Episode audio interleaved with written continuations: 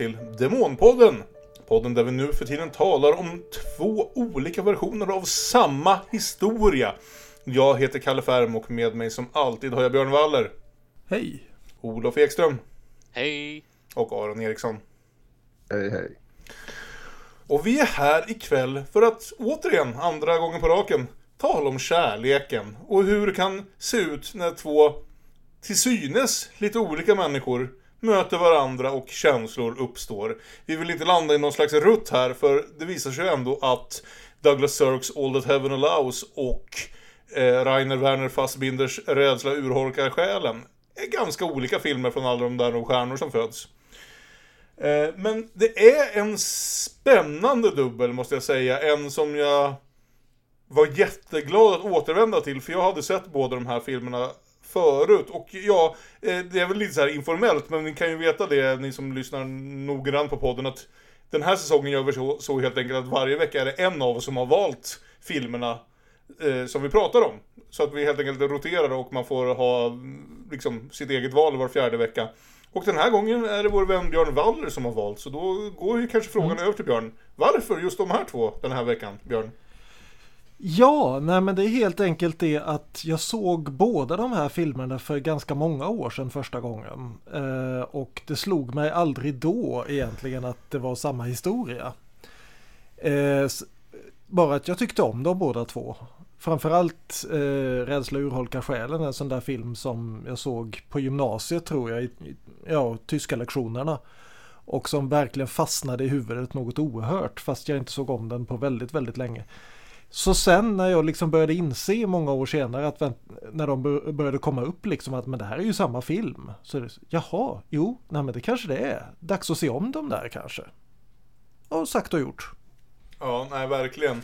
Jag hade också sett dem båda två förut, men eh, eh All That Heaven Allows var det nog bara en, ja, om jag gissar, 5-6 år sedan jag såg första gången.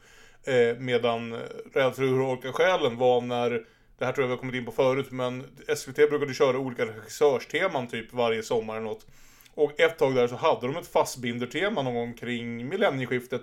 Så det är säkert 20 år sedan jag såg den här, men jag mindes ändå den väldigt väl för att vara en film som jag sett en gång för 20 år sedan. Så det säger väl något bara det. Eh, hur... alltså, Och det är ju också, som vi redan har varit inne på lite ibland.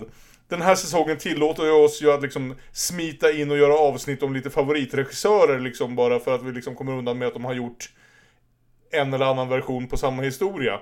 Så det är ju två ändå av de stora regissörerna någonstans som vi kommer snacka här om ikväll. Douglas Sirk och Rainer Werner Fassbinder. Eh, ja, men om vi går till Olof först då. Har du något tidigare förhållande till någon av dessa två gubbar?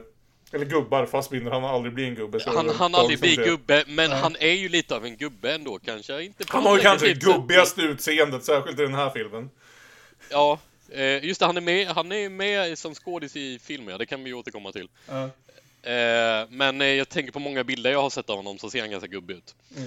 Eh, Nej, jag har inte särskilt eh, mycket koppling till Fassbinder. Det är inte någon regissör som har riktigt har blivit av att jag har tagit tag i, men som såklart är en väldigt spännande regissör, tycker jag egentligen.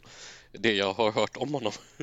Så jag, jag, hade inte, jag hade inte sett den här filmen förut. Eh, och så att kanske att jag har lite bättre koll på Cirque. Jag har absolut inte sett allt av hans, jag, men eh, jag är, är, är rätt säker på att jag måste ha sett All That Heaven Allows fast att det nog är ganska länge sedan. För, men jag tyckte att jag kände, men jag kände igen en del när, grejer när jag såg den.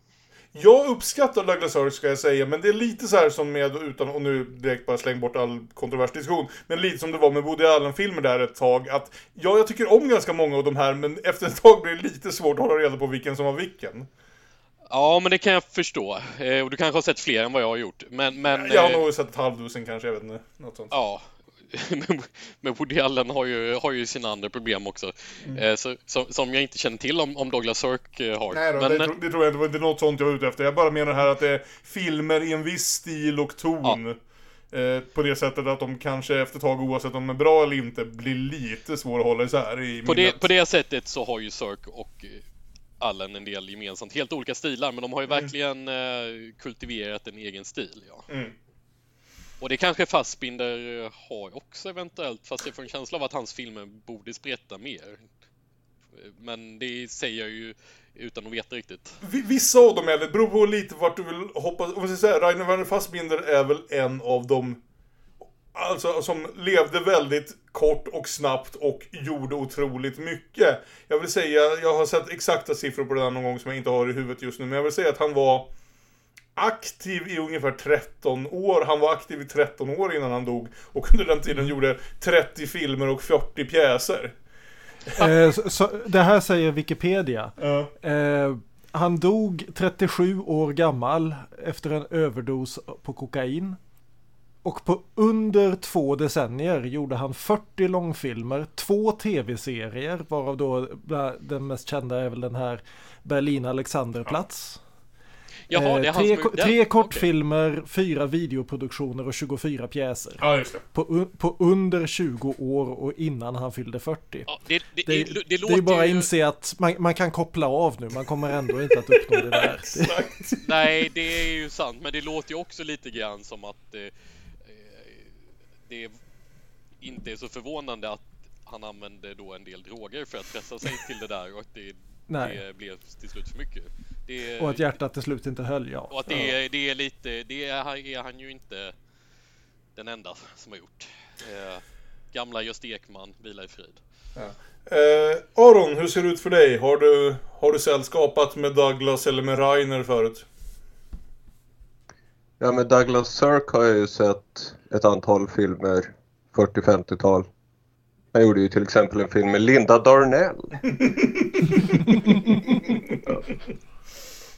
Säsong 4 av Demonpodden, Linda Darnell-podden. Alltså inte mig emot, det är en jävla massa bra filmer och de, även de som inte är bra är ganska intressanta.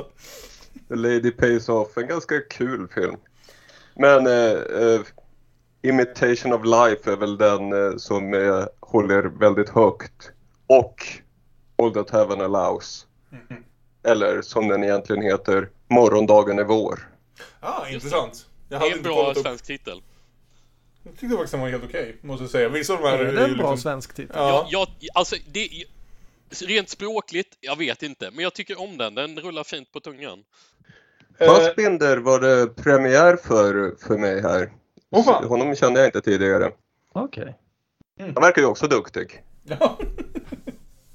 Gjorde ett eh, gott intryck. Ja. Björn, hur ser det ut för dig? Jag gissar att du och jag kanske är de som har hängt lite med Rainer tidigare då. Ja, eh, jag såg väl också ett gäng av hans filmer när de gick på tv där någon gång i mm. slutet 90.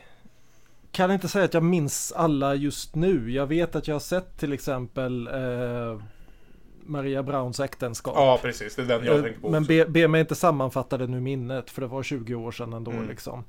Jag har haft i evigheter just Berlin Alexanderplats liggande på en jättefin eh, box här som jag har tänkt att någon regnig sommar så ska jag ta mig an 13 timmar tyskt 20-tal. Det, det, det, genom, genom tyskt 70-tal. Men det har ännu inte blivit av. Jag passade på nu för att värma upp lite grann så såg jag om eh, Peter von Kants Bittra tårar. Ja och eh, vad heter den andra, Effibrist. Just. Som är framförallt Petra von Kant en fantastisk film. Ja, Petra von Kant är väldigt intressant. Eh, den, den mm. har jag sett också. Vi får göra, om vi någonsin blir så stora att vi måste göra Patreon specialavsnitt och sånt där så får det bli du och jag som tittar på Berlin Alexanderplats. jag minns att Kalle körde Petra von Kants bittra tårar som en dubbelbull när det mm. begav sig det är sant. Om ni då gör en Berlin Alexanderplats special så eh, finns det ju även en nyinspelning som kom bara för ett år sedan typ. Precis.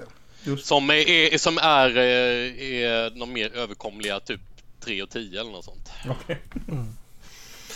Och, och man kan ju säga att, jag menar det här är ju och om vi nu ska gå så långt som att vi kallar eh, Rädsla urholkar själen för en remake på That Heaven Allows, vilket jag nog vill göra, för även om det är ganska olika filmer så är det uppenbart liksom att både handlingen och strukturen är minst sagt inspirerad av ja. Sirks film. Jag såg, jag såg, en, uh, jag, såg jag har Criterion-skivan på, på äh, Rädsla urholkar själen. Och den kom en jättefin äh, intervju med Todd Haynes. Som förklarar mm. just det här att Fassbinder hade en annan inställning till hela sitt regiskap tills han började titta på Douglas Sirk-filmer. Och efter det så var typ den första som dök upp var Rädsla urholkar själen. Så att bokstavligt talat, han satte sig ner och tittade på en massa Douglas Sirk och efter det fick han en hel annan inställning till sitt yrke. Så det är ju definitivt liksom, mm. det är inte en slump. men, men det är ju det är bra att du tar upp just Todd Haynes där, för det här är ju inte den enda remaken på That Heaven Allows egentligen. Därför att både Far From Heaven mm. och John Waters Polyester är mer eller mindre remakes. Även om de är ännu lite lösare. Mm. Så hämtar de också väldigt mycket från den här filmen. Jag har, jag har en till men den sparar till gissa den tredje. Mm. Så det är liksom en film som verkligen har satt spår trots att den vid första ögonblicket ser ut som en ganska ordinär mm. Hollywood 50-talsfilm. Så det tänker jag att vi får prata lite grann om. Ja. Vad det är som gör den här till något, något annat än ytterligare en vacker uppvisning i vad Technicolor kan göra. Men det är ju också en av de kanske vackraste uppvisningarna i vad Technicolor kan göra. Ja. Det ja och det är ju verkligen... inte eh, liksom skit bara det. Nej, snacka om.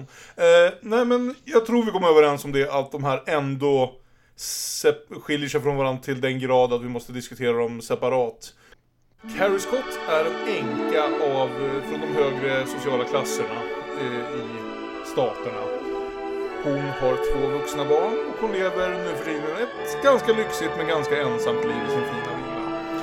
En ung man dyker upp och klipper träden åt henne på ett kontrakt som var anordnat av hennes make innan han dog. Och han visar sig lite spännande så en dag käkar de lunch tillsammans och tycke uppstår. Men tycke uppstår till den graden att de börjar fundera på att eh, skaffa sig ett liv tillsammans och det gillar inte någon person runt omkring. Skvallerkärringarna i området tycker han är både lite för snygg, lite för ung och av lite för låg klass. Barnen blir alldeles skärrade över vad detta ska göra med minnet av deras döda pappa. Och mitt i allt verkar det som att liksom kärleken de två emellan går lite förlorad och hur ska det egentligen sluta och borde man gå så där nära en kant, en bergskant när det är djup snö? Nej, det är, ju, det är ju rätt oansvarigt. Man ska hålla sig undan från McGuffin-stupet helt enkelt. Ja, precis. Exakt. McGuffin Gulch? I should not go there. I should have known. If you're traveling near the McGuffin Gulch. Where the snow falls heavy on the fourth wall. This film probably needs you to break a bone or two so that someone can fall in love with you. Han får ju den här väldigt mystiska liksom, filmsjukdomen, där skadad eller sjuk utan närmare definition så han kan ligga ja. i soffan och se döende ut han, han är nästan döende, men vi kan inte köra honom till sjukhuset. Men, han, men det är ganska allvarligt. Det viktigaste han, här nu men... är att han ligger på en soffa med en filt och får lite kärlek. ja, det är, det, är liksom, det är superallvarligt, men det räcker att han ligger på en soffa med en filt och, och, och får lite kärlek så kommer allt gå över. Nu kanske vi bränner allt vårt material här. ja, nu ska vi se. Hur, hur fan börjar den här filmen nu igen? Skitpettoreskt. Ja. ja den börjar nog oerhört pittoreskt med ett höstförortssamhälle. Kameran går under vackraste musiken under förtexterna. Det är ju en perfekt film det här och det är ju en perfekt förort. Här är ytan vacker. Y ytan är nästan lite för vacker till och med. Det är liksom, det är så enormt mycket primär, liksom primärkulörer här så man, det är nästan som jag skulle kunna tro att man är på en soundstage. Det är nästan så att det är Blue Velvet tänker jag. Ja, faktiskt, verkligen. Jag tänkte börja med att säga det att de här två, kärleksparet i All That Heaven Allows spelas av Jane Wyman och Rock Hudson. Och eftersom det är en film som ska handla om deras chockerande åldersskillnad så kan ni ju få veta direkt det här att Jane mm. Wyman är åtta år äldre än Rock Hudson.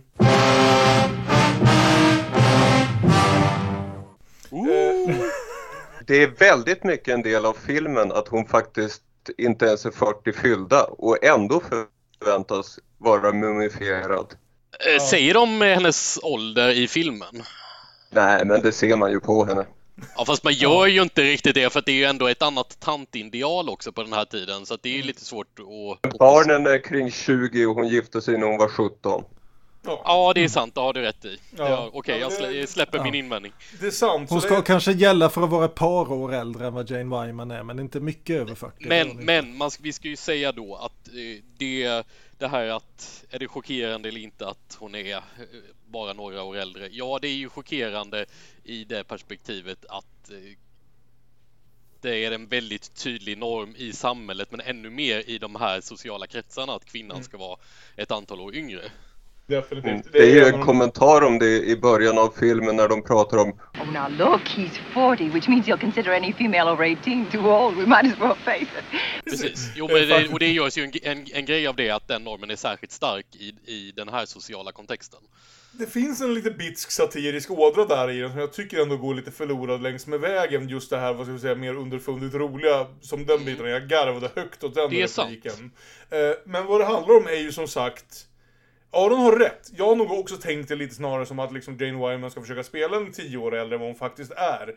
Men det blir nästan ännu mer av en kommentar på det här om vi tänker oss att hon är en ung änka och ändå anses hennes liv liksom ska vara över. Hon ska liksom leva vidare nu i det här som, som, som det beskrivs i filmen som liksom levande instängd i sin döda makes grav. Även fast hon Ja. egentligen har liksom halva livet kvar och fortfarande är liksom relativt sett ung och snygg. Tänk på titeln här va, All That Heaven Allows. Det här är ju liksom det perfekta ef- liksom efter livet. Hon har liksom gjort det hon ska, hon har uppfostrat sina barn, hon har levt med sin make tills han dog. Nu sitter hon där i sitt perfekta hus, i sin perfekta förort, i sin perfekta lilla eh, New England-stat. Och nu är det liksom bara njuta av himlen här. Men himlen har sina begränsningar. Det finns saker man inte får göra. Att sällskapa med en äldre man, underförstått lite kyskt sådär, som, när- som ändå inte kommer att vilja ha några nya barn. Det är en sak. Men att sen liksom gå och förälska sig i någon och faktiskt ha liksom ett fysiskt drag till den här människan. Det är något helt annat. Ja, det är nästan äckligt till och med. För det vet man ju, det knullas inte i himlen. Nej, det skulle ju vara då med ett moln eller så, men inte mellan människor. Det Tycker jag. Det, det, det har jag läst i Bibeln någonstans.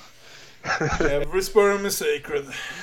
Ja, men det, kom- den här unge mannen eh, som ska vi säga ändå tycker jag spelas av Rock Hudson som ju ändå såklart ser väldigt ung och liksom fit ut men samtidigt ger ett väldigt, vad ska jag säga, moget intryck. Han känns som den han har blivit castad för att spela typ den mest självsäkra person du någonsin har träffat här. Båda de här filmerna handlas, handlar om kärlek över åldersgränser.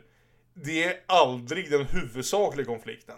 I eh, All That Heaven Allows pratar vi om en klasskonflikt och i, i Rädsla och urholka själen talar vi om en, om en raskonflikt. Och eh, den här åldersskillnaden eh, är någonstans bara lite grädde på moset någonstans.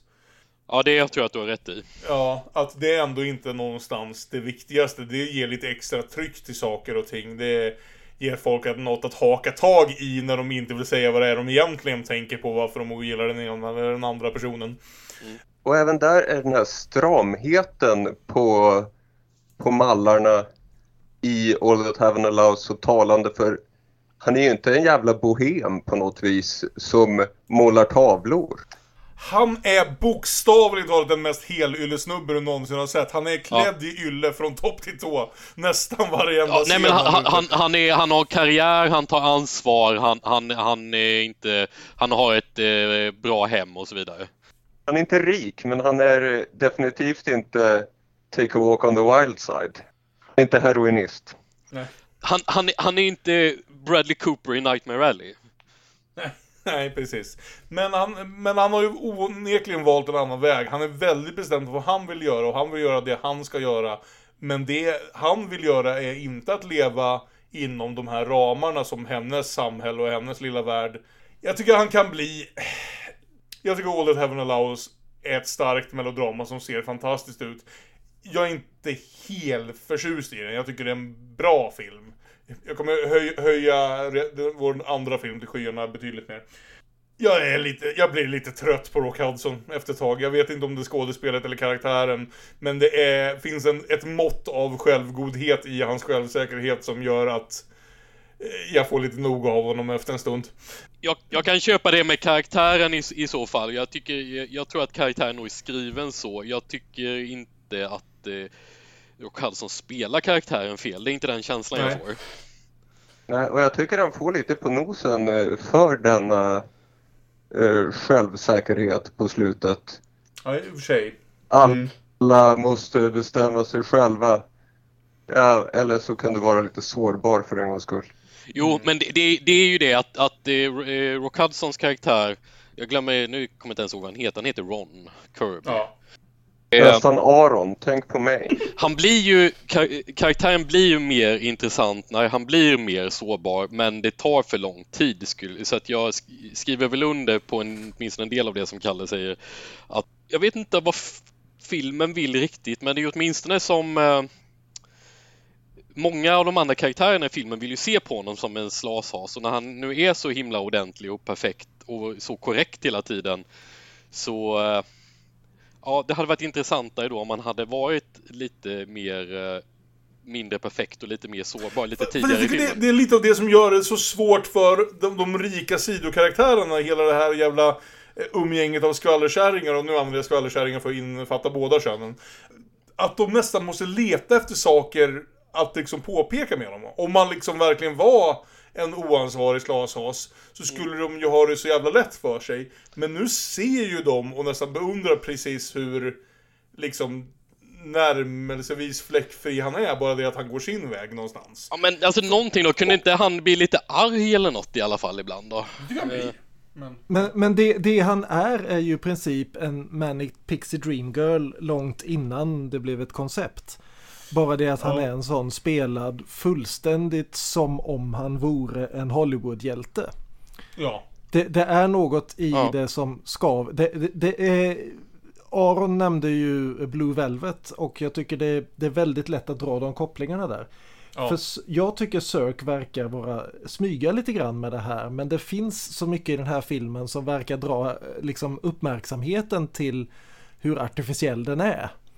Mm. Det är liksom allting ser lite för perfekt ut. Eh, karaktärerna är lite för hyp, liksom lite för hyper ibland. Mm. Det, det, är det är liksom de här fantastiska scenerna när de är ute på landet är, ser verkligen bokstavligen ut som målningar för det är de. Ja, ja, det, det, det, är liksom någonting i den här filmen som verkar vilja säga just det här att det här är en idealiserad version av det här och ändå får vi det inte att fungera. Mm. Jag håller med och eh, det, när jag säger att det är en perfekt film så tänker jag inte att det, det är den bästaste filmen någonsin, även om den är väldigt bra tycker jag. Mm. Utan det är det här att det nästan blir eh, uncanny ja. valley-stämning mm. av perfektheten som Björn beskriver. Och ja, det är ju Blue Velvet kör ju det och eh, visar vad som är under ytan vilket här fortsätter vi lite i det här Oh, är det, varför är det ett obehag över det här?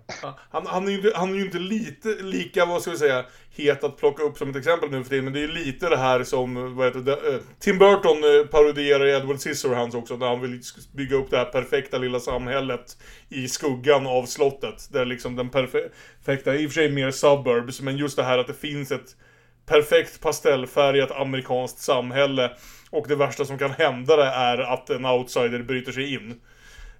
Därmed lite mer tydliga eh, differentieringar kanske, men, men egentligen är ju grundhistorien densamma även där. Jo, det är definitivt samma genre. Ska vi försöka gå vidare lite grann med just själva handlingen här? För det händer ju en del ändå i filmen även om det, det kanske vi ändå ska göra. Ja. Jag vill lyfta fram den här, återigen för att lyfta det här, hur det är lite artificiella i den här. Både i filmen men också i samhället de lever i. Det här är ju liksom, vore det här idag så skulle hon leva i en gated community någonstans i Florida kanske. Ja, precis. Eh, nu är det ju 50-tal så de bor någonstans i Connecticut vill jag säga. eller, eller typ New, New Hampshire, no, någonting sånt. Norra östkusten var Ja, precis. Ja. Eh, den här jävla countryklubben.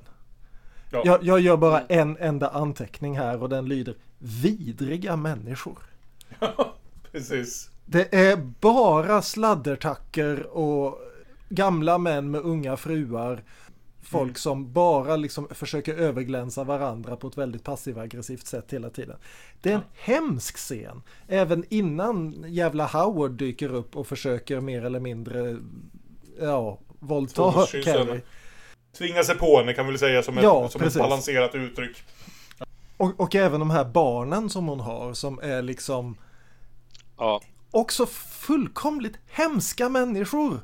De kommer bli in här någon gång och det, och det visar, och det, de får vi lära känna en del här då för de har ju, ju på sätt och vis börjat leva sina egna liv. De verkar ju ändå vara 20 plus några och har typ flyttat hemifrån men kommer förvänta sig att kunna få komma hem på varje helg. högtider. Ja. ja, eller varje helg till och med. Vad säger de inte det eller nej? Ja, det kan nog stämma. Mm. Åtminstone ja. känns det som... Det är ju, det är ju, det ska vi säga, om de, om de är i de här nordöstra staterna så är ju alla universitet där runt omkring någonstans. Sant. Så de, ja, de, de är väl på universiteten. Eh, och jag tror kanske de säger uttryckligen att dottern jobbar i New York någonstans. Mm. Ja. Och dessutom eh, pluggar samtidigt. Och, ja, så eh, kan det vara ja. Jag ska säga att jag är, jag är lite charmad, jag är lite charmad av dottern här i början. Måste jag säga, innan hon visar sig också vara en hemsk människa. Det, ja, det, det är ju så åtminstone att eh, barn, barnen har börjat leva sina egna liv och mm. inte och frikoppla sig från mamman, men de förväntar sig ju ändå att eh, mamman ska, ska släppa allt och ta hand om dem mm. eh, när de behöver det. Jo. Det etableras ju ganska tidigt. Ja, och vi får ju tänka på också när den här filmen är gjord. Den är alltså från 1955. Så det är ju liksom kort efter Koreakriget. Det här är liksom verkligen det frida, fridsammaste USA kommer att bli på länge. Eller till och med idag egentligen. Det här är ju liksom, de här kommer att växa upp i USAs verkligen guldålder och det vet de om. Sonen har liksom redan ritat upp hela sin karriär medan dottern är en modern kvinna som kan prata teoretiskt om både sex och kärlek. Fast hon ja. är vadå 19? De, de lyfts fram som så väldigt perfekta människor som ändå inte förstår någonting. Mm. Den är väldigt vass i sin skildring av barnen och även med viss värme mot de förhatliga barnen som man nu tänker på Jish. Man var kanske inte bäst i den där åldern. Nej, precis. Nej, det... Eh, om, om vi säger så här att de i alla fall tillåts någonstans Alltså visst, det, sonen kanske aldrig riktigt når, att jag når någon slags sympati. Sonen blir väl aldrig riktigt sympatisk på... Han, han, han är alltid lite hal jag gillar när han är, vad säger man, liksom the butt of the joke av det här Oedipus-skämtet hon drar i början. När han ser sin mamma i en på tok för sexig klänning och bara backar bakåt ut ur rummet i stort sett. Det, det är otroligt roligt. eh, och, ja, det, det är överhuvudtaget så är, är det en del bra humor, åtminstone tidigt i filmen. Mm. Men det sägs ju också en del här om eh, vad som förväntas av eh, änkan. Mm dels ska hon ju vara, ja, hon ska sitta där och njuta av himlen. Men också den gifte Howard erbjuder sina sexuella tjänster, för det vet man ju att det behövs ändå, bara i skymundan. Mm. Och eh, hon vill inte ha det. Hon vill inte ha köttets lustar utan hjärtats passion. Och eh, å andra sidan kommer gamla gubben Harvey som är snäll och könlös och erbjuder Ska inte vi gifta oss? Jag som aldrig kommer att ha sex med dig. Och, men vi kan vara vänner. Mm. Men eh, det är inte någon av de kärleksalternativen som lockar våran Carrie. Och alternativ tre, det är inte så att uh, du vill ha en TV så att du kan fylla dina tomma innehållslösa ja. enkedagar med, med, med, något som flera personer i filmen försöker pracka på en en TV. Mm. Ja, men det här med att antingen har du ett äktenskap eller så har du en TV är ju gemensamt med båda filmerna. Definitivt. Precis. Ja, men hur som helst så åker hon ju då med den här Ron den unge råbarkade sympatiske trä, vad, vad säger man, trädoktorn. Ja, precis. Trä, eh, säger för... träd också. Ja, jag vet inte. Arborist är ju när man klipper träd och tar hand om dem, men han... Ja. Jag tror han kan lite av varje. Mm. Men, men jag gillar just den här scenen just när han berättar att det är sista dagen jag jobbar hos dig och nästa år kommer jag inte tillbaka för jag ska börja min egen affär. Eh, och han frågar henne, vill du inte hänga med och se min odling? Vill du komma hem till mig och se mitt träd? Ja, precis. Eh, och hon svarar nej, jag har inte tid och så börjar hon gå mot huset och så stannar hon upp och inser att vad fan är det jag säger? Jag har precis, om det finns någonting jag har så är det ju för fan tid. Det är bara det jag har. Jag älskar det ögonblicket med. Ja. Och här någonstans ska jag komma in och säga så här att Rock Hudson är kanske inte världens starkaste skådis. Däremot är han ju ett sånt perfekt exempel på en arketyp. Han är ju typ den snyggaste liksom kar enligt en viss arketyp man någonsin har sett. Om de var lika intresserade av superhjältefilmer på 50-talet som vi är nu så skulle han ju spelat Stålmannen varje gång liksom. Jag tycker nästan att han funkar bättre som ett objekt än ett subjekt någonstans. Ja. Att när de andra talar om honom, när... För jag tycker Jane Wyman gör en otrolig roll. Hon är en många gånger starkare skådis.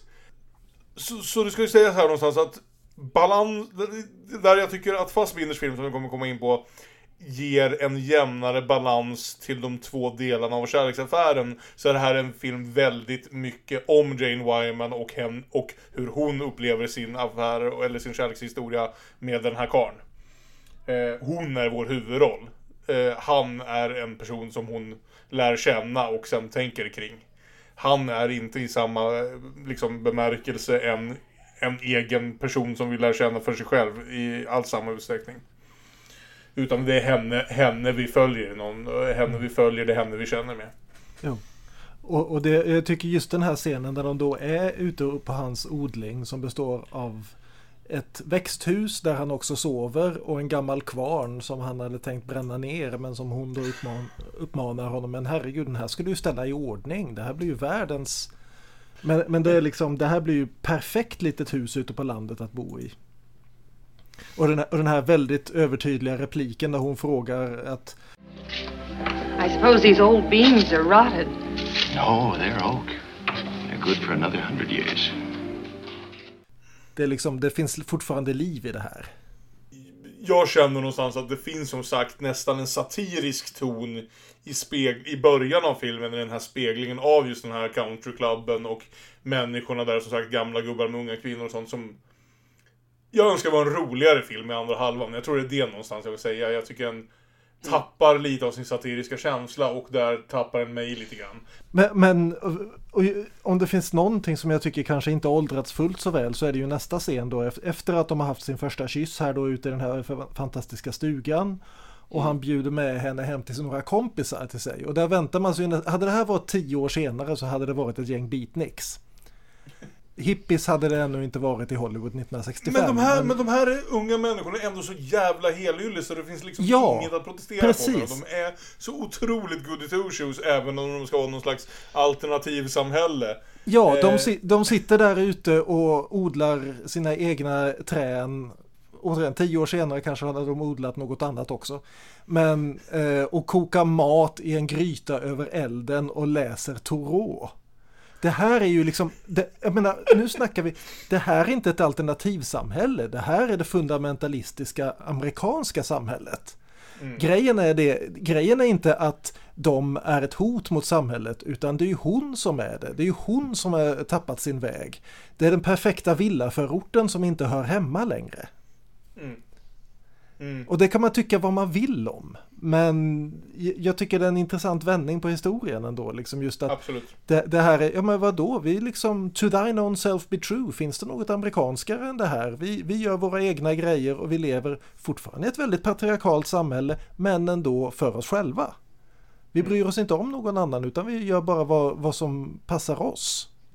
Medan dryga europeer kommer och påpekar to thine own self be true är det Polonius som säger och han är bara en klyschmaskin så man ska inte säga det som någonting djupt. Nej. Men så tänker Precis. inte amerikaner. Den är ju inte direkt subtil i sina poänger men jag tycker ändå att den gör saker med ett svung den här filmen. Det är ja, som, den är bara en och en halv timme och mm. gör det så fjäderlätt kan verkligen det här med att berätta en historia. Så det är bara imponerande på alla plan det här tycker jag. Mm. Ja, Rock Hudsons skådespel är imponerande på sitt arketypiska plan. Och, och, och, att, han, att, att han faktiskt lyckas med det här. Det finns inte många skådespelare som skulle lyckas med det här. Men han sitter i Technicolor röd jacka i Technicolor vit snö och matar en hjort ur handen. Jag skrattar varenda gång åt det, för det är ju verkligen som sagt, när jag dessutom insåg hur mycket av det där som var ylle, liksom att det kommer ju för alltid, när någon säger bara uttrycket en hel yllekille från och med nu, är det ju den bilden jag kommer se liksom i mitt sinne. Ja, men, men ställ liksom. frågan, hade någon annan skådis rott i land det? Om Cary Grant Nej. hade gjort det så hade vi inte köpt det. Om Jimmy Stewart hade gjort det så hade vi inte köpt det. Jimmy Stewart är... hade sett för obekväm ut, Cary Grant hade fått se, satt, sett för sarkastisk ut.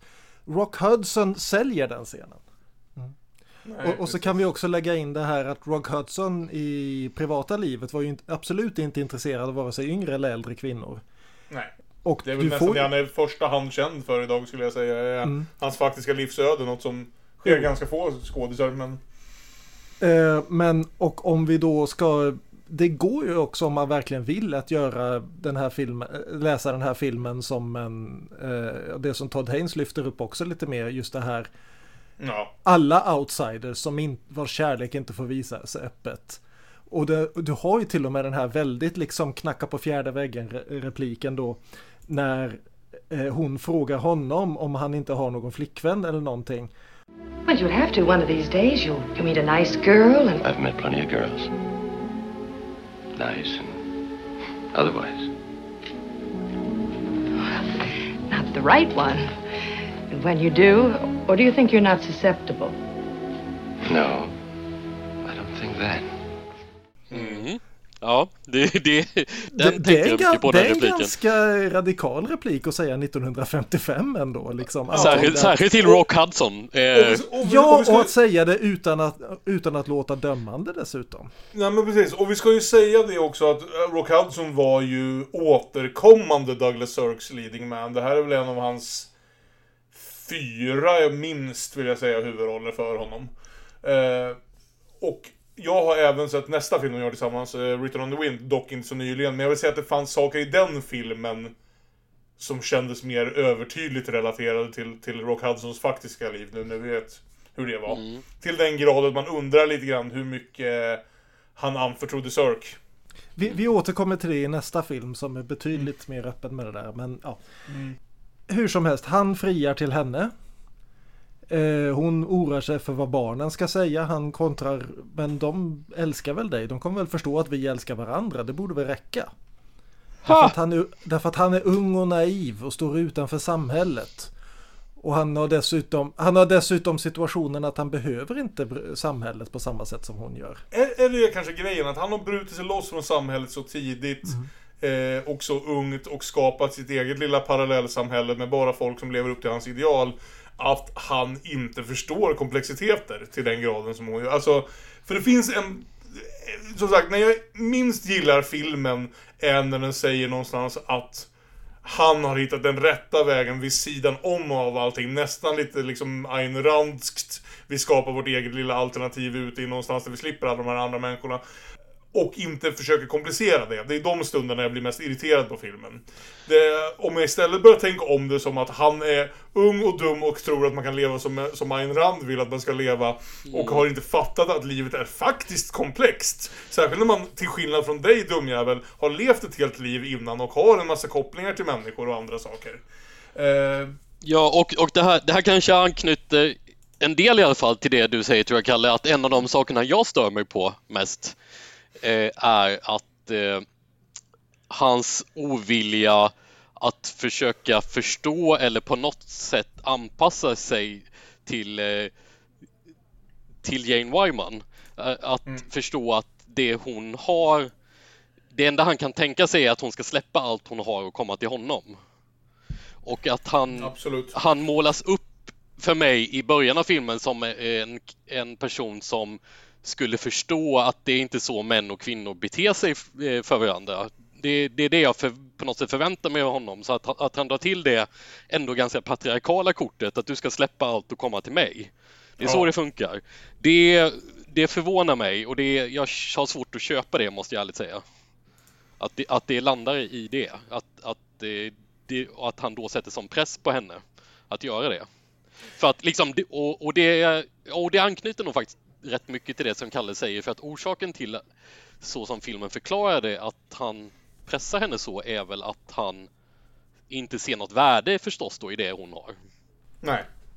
Men hur som helst så går ju skvallret på byn så de bestämmer sig för att de måste berätta för barnen. Och de tar det väl något mindre än bra om man säger så. Framförallt sonen som ju alltså flippar fullkomligt ur vid tanken på att det finns ja. en, en ny kar i huset och en kar som inte ens vill leva i huset. Mm. Eh, och var ska vi bo då hade du tänkt, säger den 25-årige sonen som redan har ett eget jobb och en egen bostad. Det, ja. Ja. Ja, och att de sen direkt ja. efter det då åker till en fest med alla hennes bekanta. Mm. De här, som sagt, stort V, stort M, vidriga människorna. Och... Jag tycker ändå, vi borde nämna henne i alla fall här, för hon är ändå jag på att säga, kanske den skådis som jag är mest bekant med i hela casten. Men Agnes Moorehead spelar hennes allra bästa vän, som jag inte alls kommer ihåg namnet på just nu. Eh, men Agnes Moorehead är en sån här solid birollskådis från den här eran av Hollywood som alltid dök upp och gjorde en roll bättre. Och jag känner även att hennes rollfigur, visst någonstans, alltså absolut lever på den onda sidan, men någonstans försöker att balansera ut det och säga men det kanske inte alls kommer bli så illa som du tror, bara att hon är lite för hoppfull. Jag känner inte att hon är genuint elak Nej, i det här på något sätt. Inte Nej, det tror inte jag heller. Hon är nog bara lite Nej. för fast i konventionerna. Men, men hon, hon, hon, är inte ondsint på, och hon är inte en obehaglig person riktigt Nej. på det sättet som, som eh, de här andra som Björn beskriver som världens värsta människor. Ja, det... har det rödaste håret som någonsin har synts på film fram till den här punkten förutom eh, i The Red Shoes. Och det är väl ja. mest att jag reagerar på det därför att Agnes Moorehead 90% av gångerna jag ser henne är hon svartvit. Eh, Jo, men det är ju framförallt då Jacqueline DeWitt som Mona Plash. Av alla jävla namn man kan ha. eh, som är den här riktiga jävla alfabitchen där. Mm. Som mm. ser till att verkligen riva ner det här runt om. Den, den enda som verkar faktiskt betrakta honom som något annat än ett styck kött på den här festen, förutom Carrie själv då, det är ju en, en väldigt ung kvinna som är där med en väldigt gammal man och liksom uttrycker solidaritet med honom. Typ att ja men vi boytoys måste ju hålla eh, liksom hålla någon form av ja. vi måste, vi måste ju täcka för varandra liksom. Jag ja, har inte heller någonting kul. förutom det min ungdom och det han ger mig.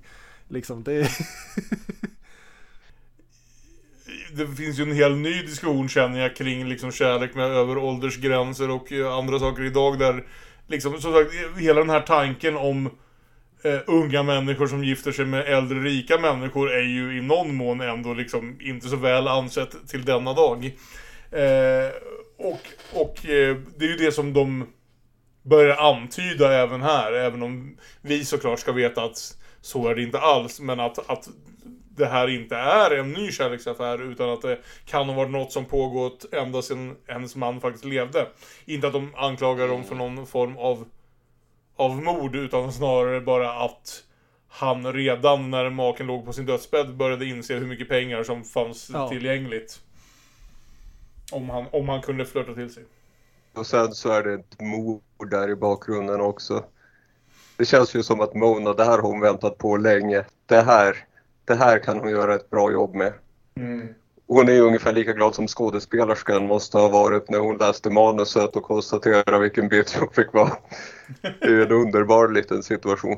De gör slut eh, ja. vid något tillfälle. För han kan inte förstå hur det kan vara så svårt att leva hela, eller att lämna hela sitt liv bakom sig och bara flytta med honom ut till en kvarn. Vad är det ens att tänka på? Det är ju jag! Ser du hur jag ser ut? Och jag har min kvarn. Jag har byggt den jättefint för dig. Jag har limmat ihop din tekanna, din jävla tekanna. Mm. Och, och, och, och, även den här repliken som är rätt talande ändå, för vi är ändå på 50-talet och det är ändå patriarkaliskt som fan det här just När, han, när hon säger till honom, det är inte som att leva, om, du, du är ju liksom, du vore ju vatten på en gås om du skulle leva hos mig. Jag kan inte förändra dig och han skulle svara liksom att jo, det skulle du kunna. Och det är liksom verkligen, du skulle avmaskulinisera mig. Du skulle kastrera mig. Jag skulle bli lycklig på den där countryklubben. Och jag vill inte vara lycklig, jag vill vara en man. Men om vi vill se det lite mer positivt. Jag vill inte bli en av de där rika skvallerkärringarna. Jag vill behålla Ja, mina, precis. mina arbetarklassideal. Jag känner, får inte riktigt det härifrån. Det är inte riktigt... Det är intressant att det är en film om klass, men som ändå inte handlar om liksom... Ändå väljer att inte fokusera på, vad ska vi säga, ekonomi i den bemärkelsen. För han lever i ett jävla drömsamhälle, bara ett alternativt drömsamhälle där han matar hjortar och eh, bygger sina egna liksom lyxhus. Eh, Oh dear. Ja, precis. Så det är inte som att den går in på liksom att de faktiskt skulle leva i någon form av fattigdom därför. För jag menar, hennes pengar kommer ju följa med även om hon säljer kåken. Eh, så, så, så, så det är ju så här att klass är något annat, är väldigt särskilt från ekonomi i just den här berättelsen. Ja, det är helt klart något, något socialt. Är Ja. enbart egentligen. Han, han, Exakt. han är ju verkligen inte ute efter hennes pengar. Det finns ju inte ens på, på kartan att det är därför att han är intresserad. Nej. Eh, Och, Nej, och det, är inte, och det är inte heller att om hon följer med honom så får hon leva i fattigdom. nej Det är precis. aldrig heller, utan nej, ekonomi överhuvudtaget. Det är inte en issue, liksom. nej. Nej. Åt, åt något håll. Vilket är intressant i en film om klassförhållanden. Eh, precis, och i den andra filmen så, så spelar det kanske lite mera roll. Även om, ja klart, där har ingen av dem jättemycket pengar, men, men eh, Ja, nej, vi kommer, kommer komma in på det, men Ja. jag har mycket tankar om det och ja, vad, men vi kommer dit snart. Nu är vi i alla fall inne i den här verkligen liksom förnedringsdelen av den här filmen. När hon har gjort slut med honom och förväntar sig att ja, men nu blir väl allting bra igen då åtminstone. Eller i alla fall som det brukade vara. Ja, men när hon berättade för sin son över telefon så svarade han bara Men vad bra, vi ses någon gång. Mother, you called me? Yes, Ned, I did. I wanted to talk to you. I, um, I've decided that well, I'm not going to be married. Oh, great. You will be up this weekend. Oh, you bet, Mom. Say, listen, I've got a class now, so goodbye, huh? Well, Ned, Ned, Att jag Low-key citerar- den värsta scenen i hela jävla filmen. Alltså inte värsta som dålig utan den mest jobbigaste scenen i hela filmen. Ja. Det känns så fruktansvärt. Jag har, hej son, jag har precis ändrat hela mitt liv för dig. Ja men schysst. Ja, och sen då den här julaftonsfirandet när han berättar att han har... Det är jättebra att du mamma är här för att ta hand om oss. Förresten, jag har fått jobb i Paris och jag kommer att vara bortrest i ett år så jag behöver inte det här huset. Och dottern berättar, ja men eh, eh, jag har, min pojkvän har precis friat, vi ska gifta oss i februari så jag flyttar hem till honom och blir fru istället för att ha en karriär. Och hon sitter där, men vad gav jag då upp allt det här för? Och då kommer de in med julklappen, en tv. ja, och hela den här sekvensen är så jävla bra från start Ja, det är till slut. Det är, det är, det är, är ju så jävla mörkt och, och allt är så ljust och glatt på ytan och så jävla mörkt under och jag bara älskar hela den här sekvensen. Ja, jo, det är bästa delen av filmen. Absolut. Och eh, ja, helt... Konstigt att inte Ron är med.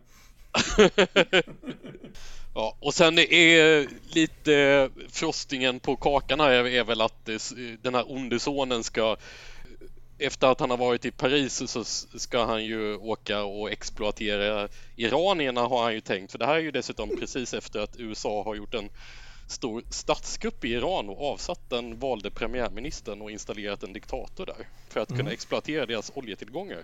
Jo. Och, och för, eftersom de ändå inte kommer att komma hem så ska de sälja huset också.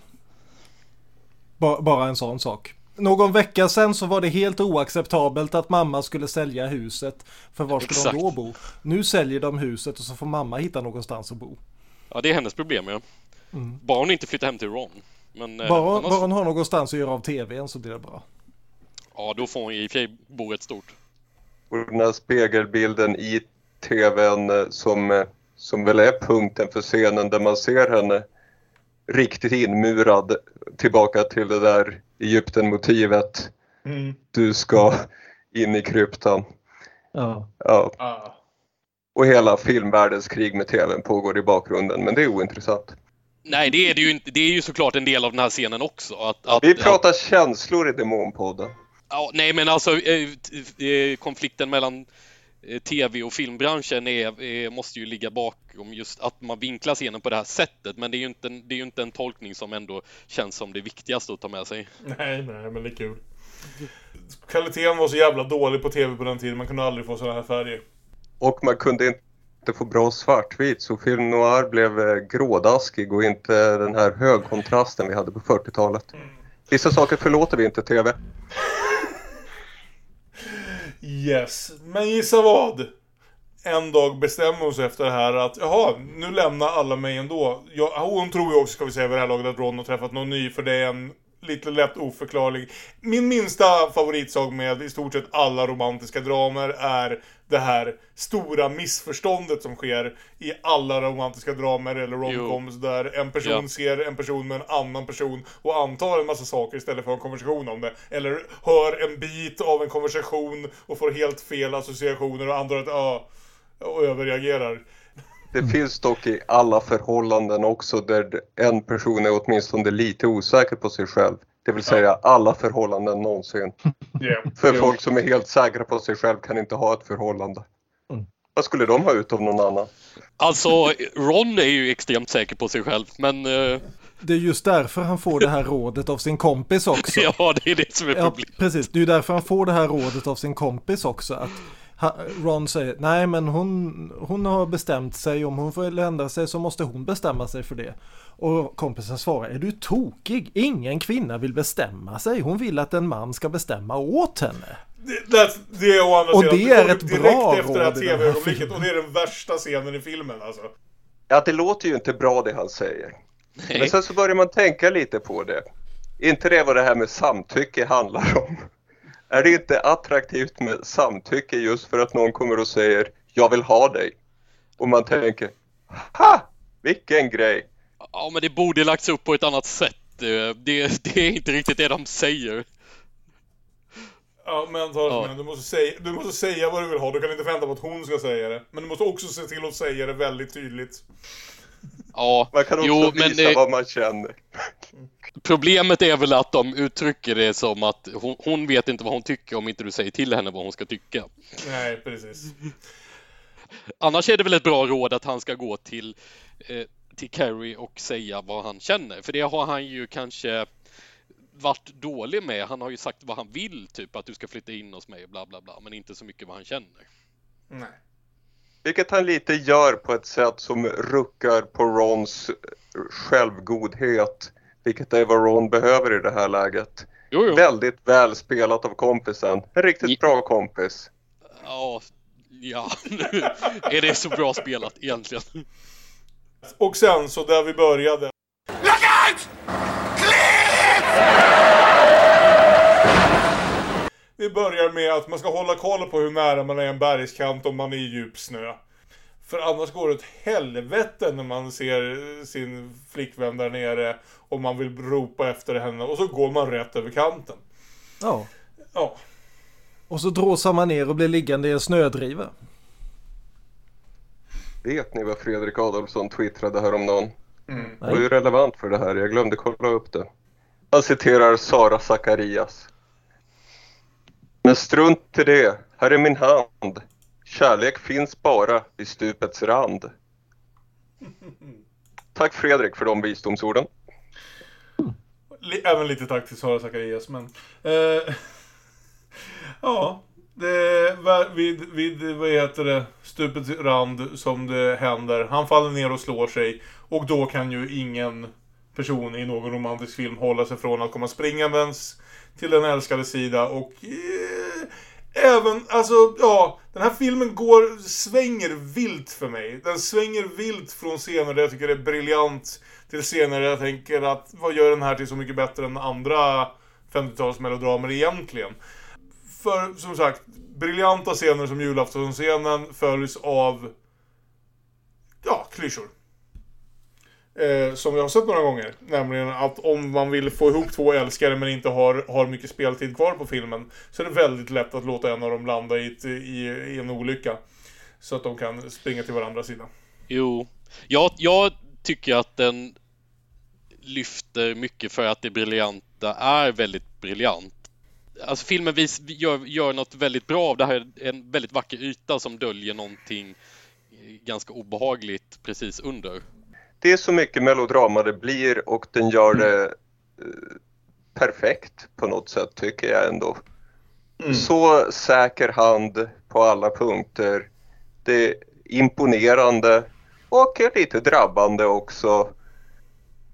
Och musiken tycker jag är väldigt fin. Mm. De här vackra stråkarna och så det här pianot i bakgrunden som bankar på de lägsta tonerna och bara påminner om att det, det, allt är inte frid och fröjd trots att det är så vackert.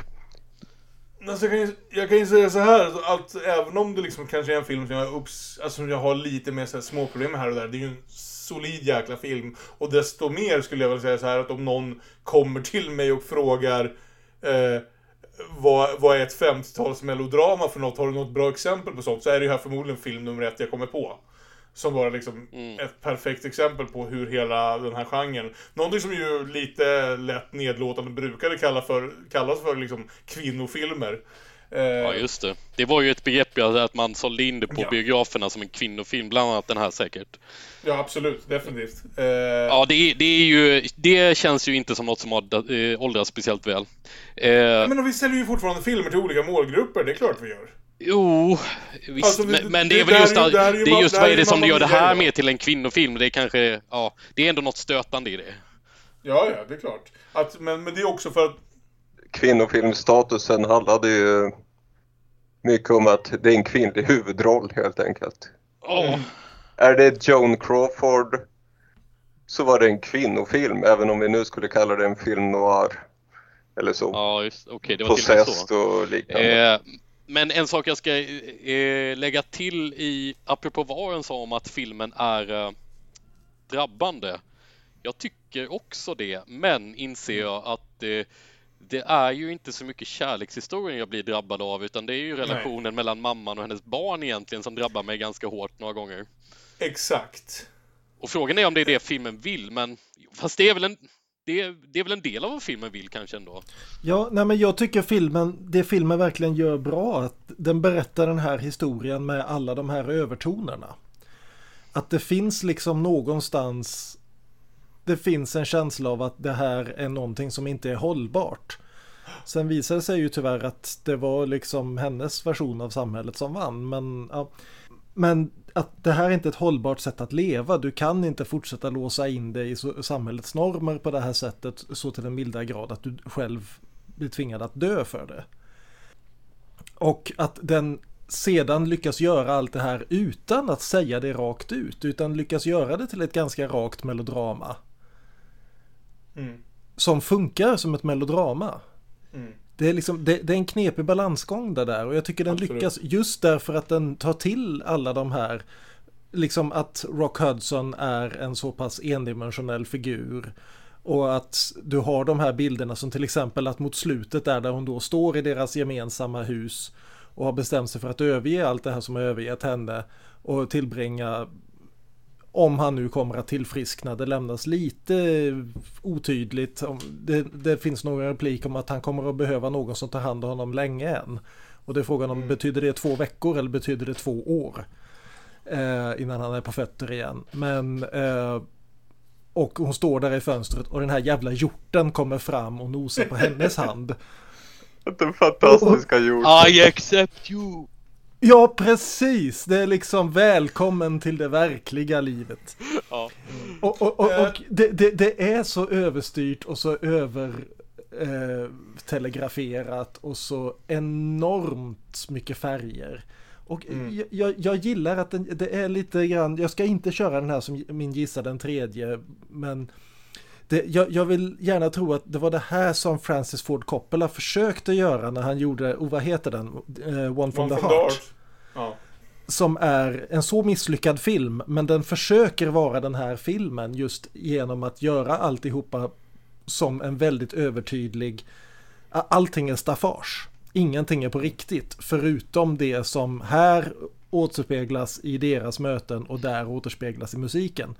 Men eh, det är bara det att han lyckas inte sälja den historien. Det är, det, det är hans stora problem där. Han lyckas bara behålla undertonerna och inte få till historien. Just i och med att den lyckas sälja den här historien, inte i vartenda ögonblick, men för det mesta, så tycker jag att den funkar så mycket bättre just med de här, att liksom alla de här andra grejerna blir kvar också. Att mm. det finns en, hela tiden en tvetydighet i filmen, att man vet inte riktigt, är det här ett lyckligt slut eller inte? Nej. Och detta i en tid när det var liksom verkligen inskrivet i lagen, för, inte lag, men i bestämmelserna för filmer, att är det en romantisk film måste den ha ett lyckligt slut. E- eller ett övertydligt tragiskt slut. Och så slutar den på det här slutet som ser ut att vara lyckligt men ändå slutar på att, men jaha, men vad var det då hela konflikten gällde då? Var hela jävla konflikten bara idioti? Ja. Ja, det var det. Eh, Todd Haynes sa något intressant i den här intervjun, och jag tror han parafraserade Fassbinder, om det här att Douglas Sirk var en av de första regissörerna, och då antar jag att de menar inom liksom Hollywoodfilm, men som lät sina kvinnliga huvudkaraktärer faktiskt liksom vara i fokus till den, till den grad att de tilläts liksom tänka i bild. Göra sina egna beslut, fundera över sin egen situation. Där väldigt ofta var kvinnorollen i film på den här tiden att reagera på vad den mannen gjorde. Mannen gjorde något och kvinnan skulle vara upprörd, eller arg, eller glad, eller tacksam. Beroende på vad det var.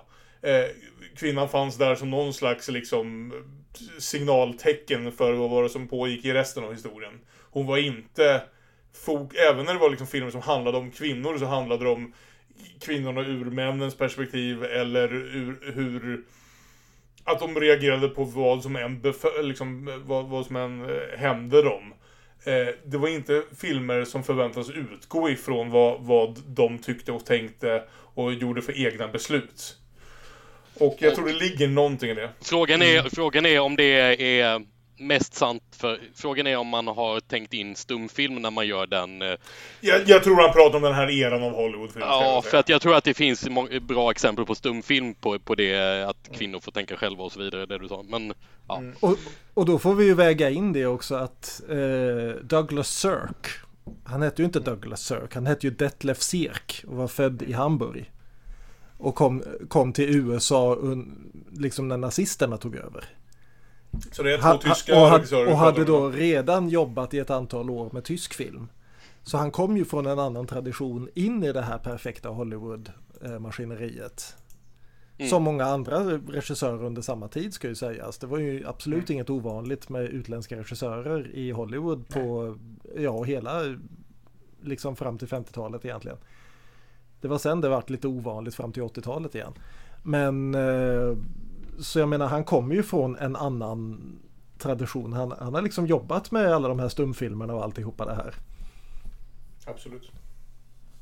Ja, jätteintressant diskussion hörni. Lite olika tankar kring filmen men jag tror liksom alla uppskattar den men på lite eventuellt till lite olika grad. Eh, vi tar en liten paus och återkommer med diskussion om Rainer Werner Fassbinder och rädsla urholkar själen.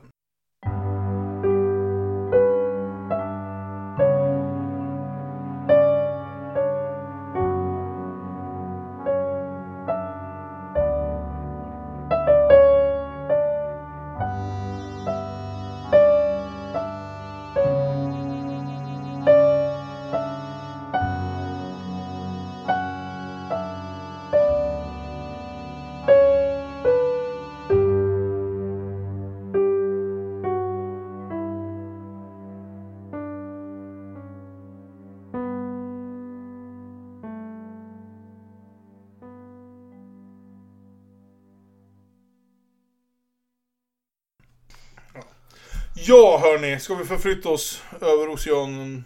Eh, bort till Västra Tyskland. Västtyskland och Rainer Werner Fassbinder ett par år in i sin som sagt i alla fall numeriskt, jag skulle väl även vilja påstå konstnärligt imponerande karriär, men definitivt numeriskt imponerande karriär. Eh, och Rädsla urholkar själen från 1974. En... Eh, eller som den då heter på original, Angst Essentielle auf. Som då är en titel som nästan alla översättningar jag har sett fullkomligt skiter i. att det finns en poäng med att titeln lyder alltså, om man skulle översätta den korrekt till svenska, så skulle det vara rädsla äta upp själen. Det, det är en Det poäng i att titeln är eh, lite språkligt skev då. Jag menar att man har gjort det mer Precis. poetiskt i många, än det borde vara i många översättningar antagligen. Precis, Ja, det är ju ja. helt enkelt att korrekt tyska är Angst ist die Seele auf. Mm. Men, men eftersom den här repliken då yttras av någon som verkligen, han talar inte urusel tyska, men han talar tydligt bruten tyska. Ja, precis. Och det är en poäng att sätta, och precis som med Cirque, liksom, titeln betyder någonting här. Det är liksom, den drar direkt ögonen till grundproblemet i filmen. Den engelska titeln blir ju särskilt dum eftersom den då dessutom heter Ali kolon Fear Eats the Soul. Eh, Det, det är ju faktiskt så det är skrivet i manus, ja. Ali, Ja. punkt, ja, punkt. ja men precis, det är så det är skrivet i manus. Men det, det gör ju det att ännu dummare att de har översatt titeln så som Så de jag. Så jag älskar alla de här tre titlarna för jag gillar hur svensk, vem som än kom på den svenska titeln, Ja. valet går från äter, för rädsla äter själen låter ju som en Dario Argento-film istället. eh, till, till liksom rädsla urholkar själen som är en titel, en, en av de relativt få gånger som jag alltid går till den svenska titeln när jag diskuterar en film känner jag. Jo men båda titlarna är poetiskt vackra på, på svenska. Ja, exakt. Det Alltså, urholkare är ett sånt väldigt bra begrepp för det vi talar om här. Äter låter lite ja, eh, simplistiskt på svenska någonstans, vilket är... Ja, eh, ja hörni. Undrar om det här var den första Fassbinder jag någonsin såg. Jag, i alla fall, jag kan säga så här. Eh, det var, för att vara en film jag inte hade sett på gissningsvis 22 år kommer jag ihåg löjligt mycket. Vilket jag tycker säger något om den här filmen och jag kan säga direkt att eh, jag tycker det här är ett jävla mästerverk. Jag tycker det här är en av de bästa filmerna vi någonsin har pratat om. Jag tycker det är en film som är så fascinerande i hur den den visar det briljanta i det simpla. För någonstans när jag liksom tittar på den tänker jag men det här är ganska liksom, raka bilder, det är ganska simpel dialog. Varför funkar det här så otroligt väl? Det är verkligen liksom en precision. För det, ah, den är kort. Den är, den är otroligt vackert men ändå liksom simpelt fotad på vad som ser ut att vara en tv-filmsbudget. Det är tekniskt sett inte en tv-film. Många av Fassbinders filmer var tv-filmer. Men den ser ändå ut som att den liksom är filmad på eh, kanske liksom fyra... Den har fyra olika scenografier och ett par stadsbilder. Den ser inte ut som den har kostat mycket pengar. Men den tar allt det här och gör det absolut bästa av det. För den är trots det otroligt liksom fotograferad. Och hela den här principen av att göra det mesta med ganska lite är någonstans vad som skiner igenom för mig och gör det till, alltså sagt, fan i mig en av de bästa filmerna vi har pratat om. En av, liksom 1974, ett otroligt starkt filmår men den skulle lätt landa på en topp 5 för mig och sådär. Det här knockar mig rätt på arslet alltså. Ska jag ta och sammanfatta den innan vi går in på... Gör det. Ja. Gör det. Jag behövde få det där ur mig. Emmy Kurowski är en änka från de lägre sociala kretsarna i München. Hon eh, är städerska, änka sedan många år tillbaka, barnen är utflugna, bor i samma stad men hälsar aldrig på henne. Och livet skulle väl egentligen vara fortsatt så till graven om det inte vore för att hon en dag snubblar in på ett café som frekventeras av eh, nordafrikanska gästarbetare och där möter hon en som kallar sig Ali därför att alla tyskar kallar honom för Ali. Han heter inte så egentligen men ingen kan uttala hans namn. Och på något vis så börjar de här två outsidersarna i samhället att fatta tycke för varandra trots att det skiljer åtminstone 30 år emellan dem. Och Det är bra exakt 30 år mellan skådisarna bara för att... Ja. Och det här tas ju inte väl emot vare sig av hennes familj eller samhället runt omkring. Och det kommer inte att sluta riktigt så väl för dem som det kanske gjorde 1955. Om den nu gjorde det 1955. Eh, På mångt och mycket är ju den sista scenen ungefär samma. Faktiskt är det ju så ändå, även om jag som sagt har en klar favorit.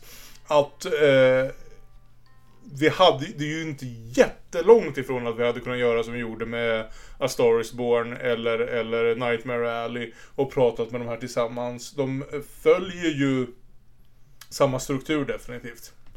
De möts, förälskar sig, det går något snabbare. Jag älskar hur, hur det gör i och för sig Old That Heaven Allows också, men hur första scenen verkligen är. Hon kommer in på ett café, de träffas fyra minuter in och dansar fyra minuter in i filmen och sen kör vi bara. Det är inte... Eh, Och- ja. Och, och också liksom hur han direkt slår Jag vet inte hur man får en film att stinka cigarettrök och, tor- och intorkad öl. Men det gör han här. Det, finns så många sådana här billiga kaféer i Tyskland. Med liksom den här inredningen. Som ser ut som en skolmatsal mer eller mindre. Mm. Och den billigaste sortens flasköl och den billigaste sortens läsk. Och ett halvdussin personer som bara står och har tråkigt. Det, det är en så fantastiskt sätt att sätta upp en scen utan att få det att se filmiskt ut på något vis och ändå så lyckas det Ja, Ja, men, men Björn, du som har sett lite Fassbinder också, håller med mig om det här? Jag tänker att det är ju aldrig en film som ser ut som att den kostar pengar. Men trots det ser den fantastiskt bra ut. Han liksom bara gör varenda val av liksom kamerauppställning, kamerarörelser och så vidare. Helt rätt, så att han får det här ganska liksom billiga upplägget i någon bemärkelse att att fungera rent visuellt. För det är en film konstant, alltså mer än fan mig film noir många gånger om hur det här paret när de väl hittar varandra observeras av alla andra runt Ja. om dem. Det är liksom otaliga bilder av människorna i, runt omkring dem och hur de tittar på dem med olika typer av känslor. Ända från första gången Ja, och att, att kameran eh, zoomar in på olika sätt för att visa det, ja. Precis. Kameran observerar de som observerar och visar oss i bilder mer än ord för... eh, Det finns också liksom en grej här, och det här fanns även i, i Douglas Sirk-filmen va. Men att det finns ett glapp mellan vad folk faktiskt tänker och vad de vet är okej att säga. Även här. Vissa av dem är definitivt mer okej med att säga det. Och kanske säga det till varandra men utanför liksom hörhåll för, för det här paret. Men det behövs nästan liksom inte ord för vad vi vet att de tänker, för vi ser det på dem. Det finns åtminstone tre sådana scener i filmen där filmen verkligen stannar upp och visar oss hur de iakttas av alla runt om. Ja, herregud, jag Och eh, ja, den... Eh, där frågar den ju all realism och eh, går bara rätt in i det här... Ja, nästan paranoid thriller. Ja, men exakt! Jag tror och, det är och, där och även, det här, även det här avståndet som hela tiden är runt omkring dem. Även när de sitter på restaurang eller de sitter på en uteservering eller de går ute på stan. Det, de trängs inte med någon annan. Det är tio meter till närmaste människa och de människorna står och stirrar på dem. Eh, Olof, var det här första gången för dig med även den här filmen? Sa du det? Ja, det var det. Vad, vad, vad, hur reagerar I vilken ordning såg du dem? Kan vara spännande att veta också i och för sig, för det kanske Eh, påverkar. jag såg Fassbinder först. Du gjorde det? Ja. Okej. Ja, men jag, jag tänkte på, på det här eh, som vi redan har pratat om en del, att eh, den ser ganska billig ut ibland. Den ser ganska ful ut ibland, filmen. Men, men eh, det är eh, någonting som eh, känns ganska medvetet och som görs någonting bra med. Jag kommer ganska snabbt in i det ändå. Eh, att eh, det här är en film som, som ska se lite ful och eller ful i betydelsen grov kanske snarare mer. Mm, Okej, ja, då kan jag vara med, med på. Ja. Jag höll på att hoppa in och protestera men Eh, ja, ja. då förstår jag. Eh, och, och jag menar nog det som någonting positivt. Och eh, att jag tänkte ganska mycket också på det här med de olika hur kameran jobbar väldigt effektivt. Eh, På ett sätt som det var intressant att se Cirque som nummer två där tror jag faktiskt för att jag tycker att eh, en del av de eh, sättet att, att jobba med kameran jag tycker jag ser en del sådana saker i Sörk-filmen också, fast Fassbinder gör det bara lite bättre. Tonen är ju definitivt skiftad här va, och framförallt såklart det stora som vi redan varit inne lite på är ju att ja, åldersskillnaden finns fortfarande där, men som sagt ingen av de här filmerna är åldersskillnaden det primära.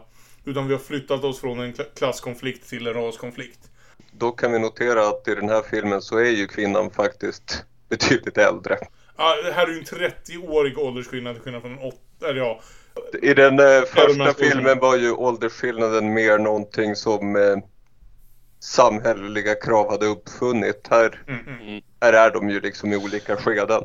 Och ska, och ska sägas, det som eh, gör det så intressant att åldersskillnaden faktiskt är så pass stor är ju att eh, den här kvinnan har upplevt nazisttiden.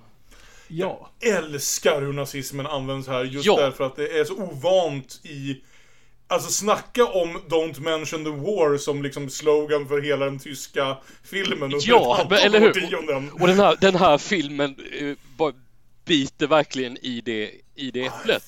Och, så, och det gör så jävla ont. Uh, och uh, det var lite, jag drog nästan lite efter andan där några gånger när, när, den, när, den, när den tar sådana grepp. När det kommer på tal ja. Men man tänker ju samtidigt, de lever ju Mm. De går på den här lyxkrogen därför att det var Hitlers favoritrestaurang. Därför ja, liksom ungefär som att återuppleva gamla minnen typ. Ja, den här krogen gick vi alltid till för för att vi ville, vi ville vara som Hitler typ.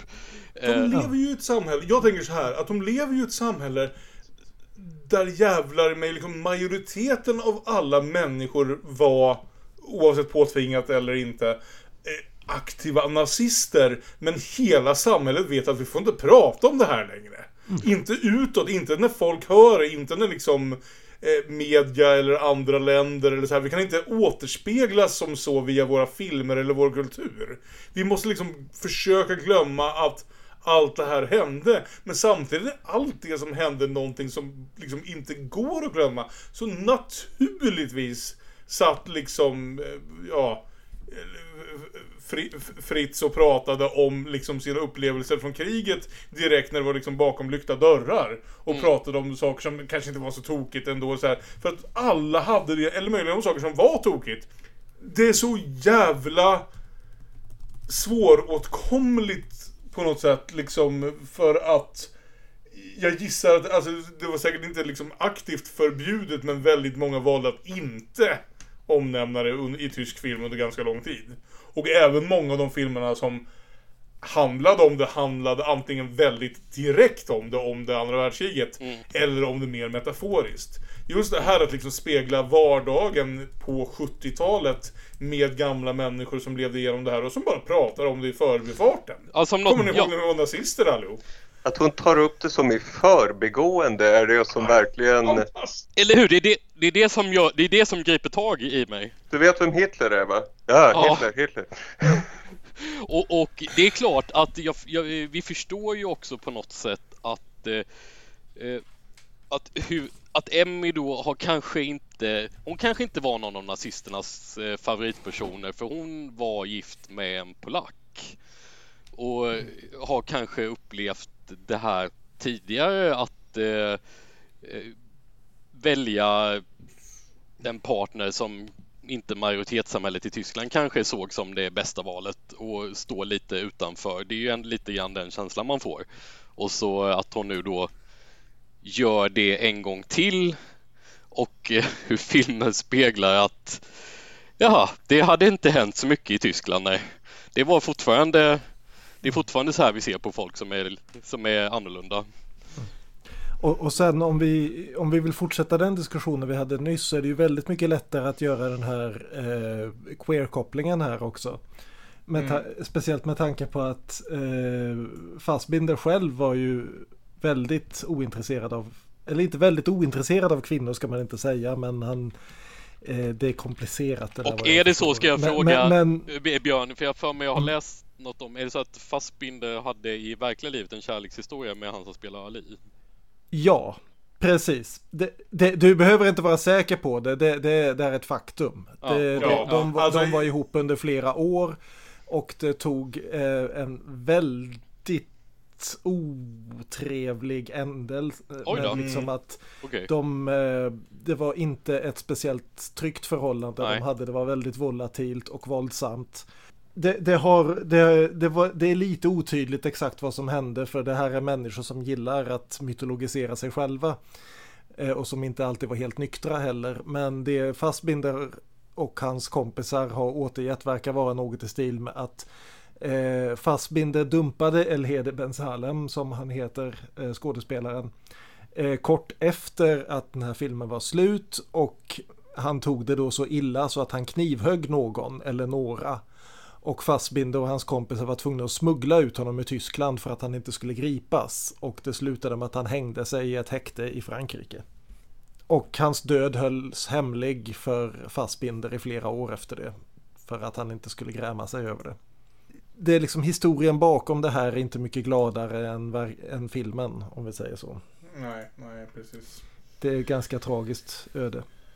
Men eh, jag, jag tycker det är intressant för, för just att det, det är ju uppenbarligen, han är inte en tränad skådis. Han har ju fått rollen därför att han ligger med regissören.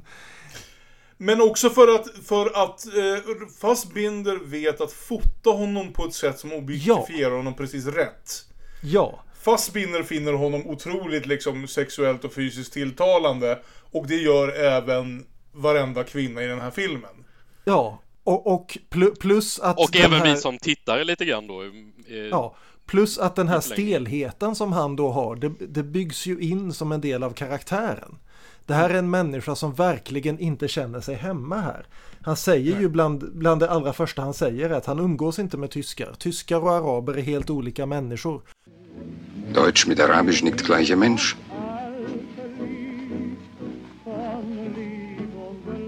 Aber am Arbeitsplatz. Nicht gleich. Deutsche Herr, Arabisch Hund. Aber das. Egal. Nix viel denken. Gut. Viel denken, viel weinen. De kan inte umgås. Det är så det funkar i det här samhället. Han har accepterat det. Han håller ner huvudet. Han gör sitt jobb. Han super skallen av sig efter jobbet och så gör han sitt jobb igen. De har hittat den här lilla... liv. Ja, de har hittat den här lilla krogen eller kaféet där, där de är välkomna och dit det kommer tyska kvinnor eh, för, för, som, som, som vi antar attraheras av, av eh, dem och liksom eh, Men det är aldrig några, vad ska vi säga Större kärleksförhållanden utan det är ju kul för en natt. En av de första scenerna här, vi introduceras ju i stort sett till honom med att en kvinna som i alla fall liksom kodas som, om inte liksom en sexarbetare så i alla fall promiskuös. Går fram till Ali och frågar om hon vill följa med honom på vilken han säger Na, was ist? Kommst mit heute oder nicht? Nein, Ach, und warum? Schwanz kaputt. Det är väldigt rak dialog här i början. En till öl? Naturligt. Men, men, sen, men sen så älskar jag också det här när de då kommer hem till Emmy efter att ha väldigt eh, klumpigt dansat lite grann till en av de tyska låtarna som faktiskt finns på eh, jukeboxen. Annars lyssnar de ju mest på arabisk musik. Eh, när de kommer hem till Emmys lägenhet det här och bara de här detaljerna som liksom ett arbetarklasshem i efterkrigstyskland. Det här att hon bjuder honom på konjak. Och de dricker ju två fullständigt olika glas därför att hon har inte två likadana snapsglas. Nej, precis. Det, det, är liksom, det är verkligen en människa som har levt ensam länge det här. Eh, och han berättar om det här att ja, men han måste gå nu för han måste hinna med spårvagnen till andra sidan stan därför att, där han bor i ett rum med fem kompisar. Och hon säger men herregud ge dig inte ut i regnet för att åka till liksom tränga ihop det med fem andra. Sov över här, det är lugnt. Jag har en, ett gästrum, jag har min mans gamla pyjamas. Och den här scenen då när han kan inte sova och går in till henne och de börjar prata och det är fade to black där och det, det känns man förstår, det, det, här, han har något så väldigt svårt att sälja det här, inte minst till en tysk publik på 70-talet. Att en tysk kvinna i 60-årsåldern ska få ihop det med en, en marockan i 30-årsåldern. Och han gör det så enkelt och så naturligt. Att det här är två människor som är så fullkomligt utstötta ur alla sammanhang och inte har någon att vända sig till. Men som upptäcker att de kan prata med varandra. Jag finner den här filmen absolut liksom fängslande på ett sätt som jag nästan inte kan förklara. Jag tror det kommer tillbaka till det här jag pratar om att det är så rättframt, så nästan simpelt utan att därför vara banalt. Va? Både just i det här att språk, alltså bildspråket är, eh, som du säger, alltså ändå ganska liksom man skulle kunna förväxla det för en tv-film just bara det att det är så exceptionellt gjort va, men med de här långa tagningarna och så. Replikerna måste vara simpla därför att en av Eh, personerna i de här långa dialogscenerna behärskar knappt språket. Och och jag vet inte vad det är, men jag menar till skillnad från många andra filmer av många olika sorter så kan jag säga att där man liksom måste lägga telefonen långt ifrån och så här. Jag såg den här filmen från början till slut utan att titta på telefonen en enda gång. Utan att knappt ta en kisspaus tror jag liksom. Och det är tyvärr så är det nog mer ovanligt än vad det borde vara. Om det inte är på bio. Men den här suger in mig så totalt. Alltså den är, den är djup i att den får alla detaljer rätt. Men den är också otroligt rätt fram i vad den vill säga. Det är inte en subtil film. Och jag tror att till stor del så lyckas den med det just därför att den har två huvudpersoner som nästan måste hela tiden prata med varandra därför att deras liv är så väldigt olika. Mm. De kan inte sätta sig in i den andras liv utan att få veta exakt hur det ser ut. Exakt. Ja, de måste hela tiden fråga varandra, men hur är det i Marocko? Men varför, varför lever du ensam? Men vad, har, vad, vad hände med din man? Det är liksom, var, varför besöker dina barn inte dig om de bara bor två kvarter bort? De, de förstår inte varandras liv men de blir nyfikna på varandra. De måste ja, prata exakt, med varandra. Det det är ju det här att jag liksom inte ens har svårt att förstå trots att vi redan presenterat Ali som liksom en stilig 35-åring som uppenbarligen liksom har kvinnor som klänger på honom i baren. Varför han istället gör det här valet att gå hem med en 30 år äldre kvinna nästan på liksom börjar som någon slags dare där den liksom eh, eh, vad heter det, hon så, som står i baren och som han uppenbarligen har tidigare förhållanden till säger liksom mer eller mindre liksom ja men darar honom att gå och bjuda upp henne till en dans. Och han gör det utan att tänka på det, inte av någon anledning att han liksom pressas till det. Utan bara, ja men det är klart jag kan göra det. Och så börjar han ha en väldigt liksom öppen och ärlig diskussion med henne och vill inte sluta ha den diskussionen. Kanske för att hon är den första personen i det här landet som behandlar honom utan några sådana liksom, vad ska vi säga, sidotankar. Antingen sexuella eller liksom arbetsmässigt utnyttjande eller eh, rätt upp liksom rasistiska. Hon är den enda som pratar med honom som en person som är nyfiken på hans liv och vad det var tidigare. Men det är ju ja, också en skillnad, eh, de två filmerna emellan vi har här är det mer ett utbyte. Medan Ron han tänker ju sig åtminstone att han redan vet allt och... Ja, exakt. Det är en jättestor, ja. det är en jättestor, det är en jättestor skillnad. Båda är lika ensamma.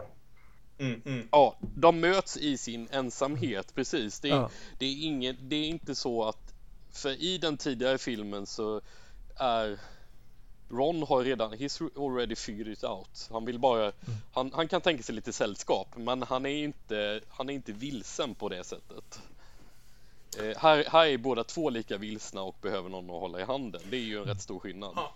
Men sen om jag nu hoppar, hopp, nu har vi hoppat lite, liksom pratar mer generellt, men vi pratar ändå om liksom första mötet.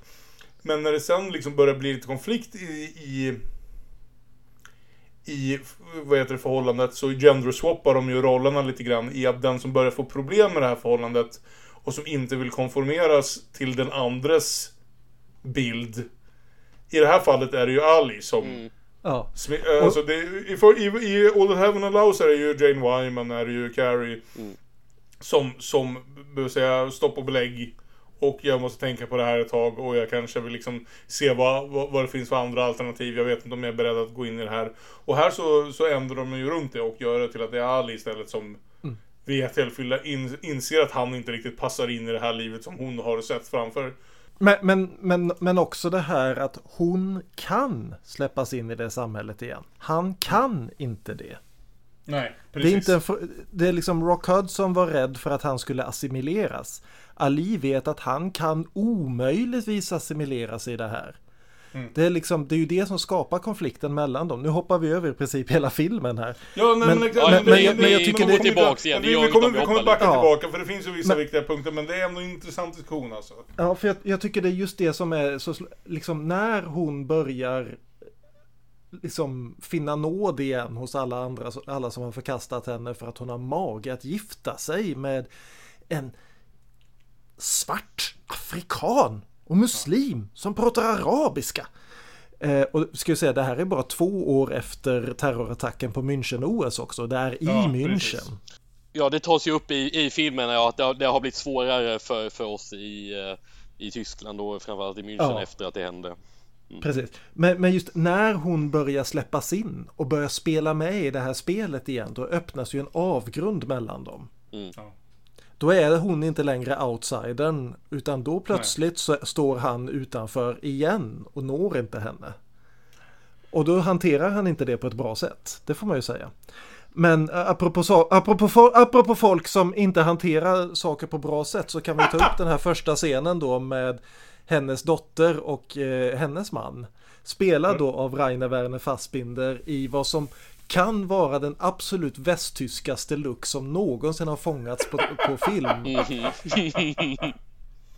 Japp. Ja. Det, dålig frisyr, en mustasch som hänger långt, tunn mustasch som hänger långt ner över munnen och en halv liter öl i näven. Det är liksom, ja. där har du väst, västtyska 70-talet. Det är. Det, det är liksom, hade håret bara varit lite, lite längre så hade han kunnat vara basist i Faust. Ja, om, om, om, om, om du vill fortsätta din väg in i eh, Fassbinder efter det här Aron så ska du veta att han spelar ju huvudrollen i ganska många av sina filmer. Här håller han sig ju till en biroll men det är ganska ofta ganska mycket Rainer både framför och bakom kameran. Är det han som spelar Petra von Kants tårar?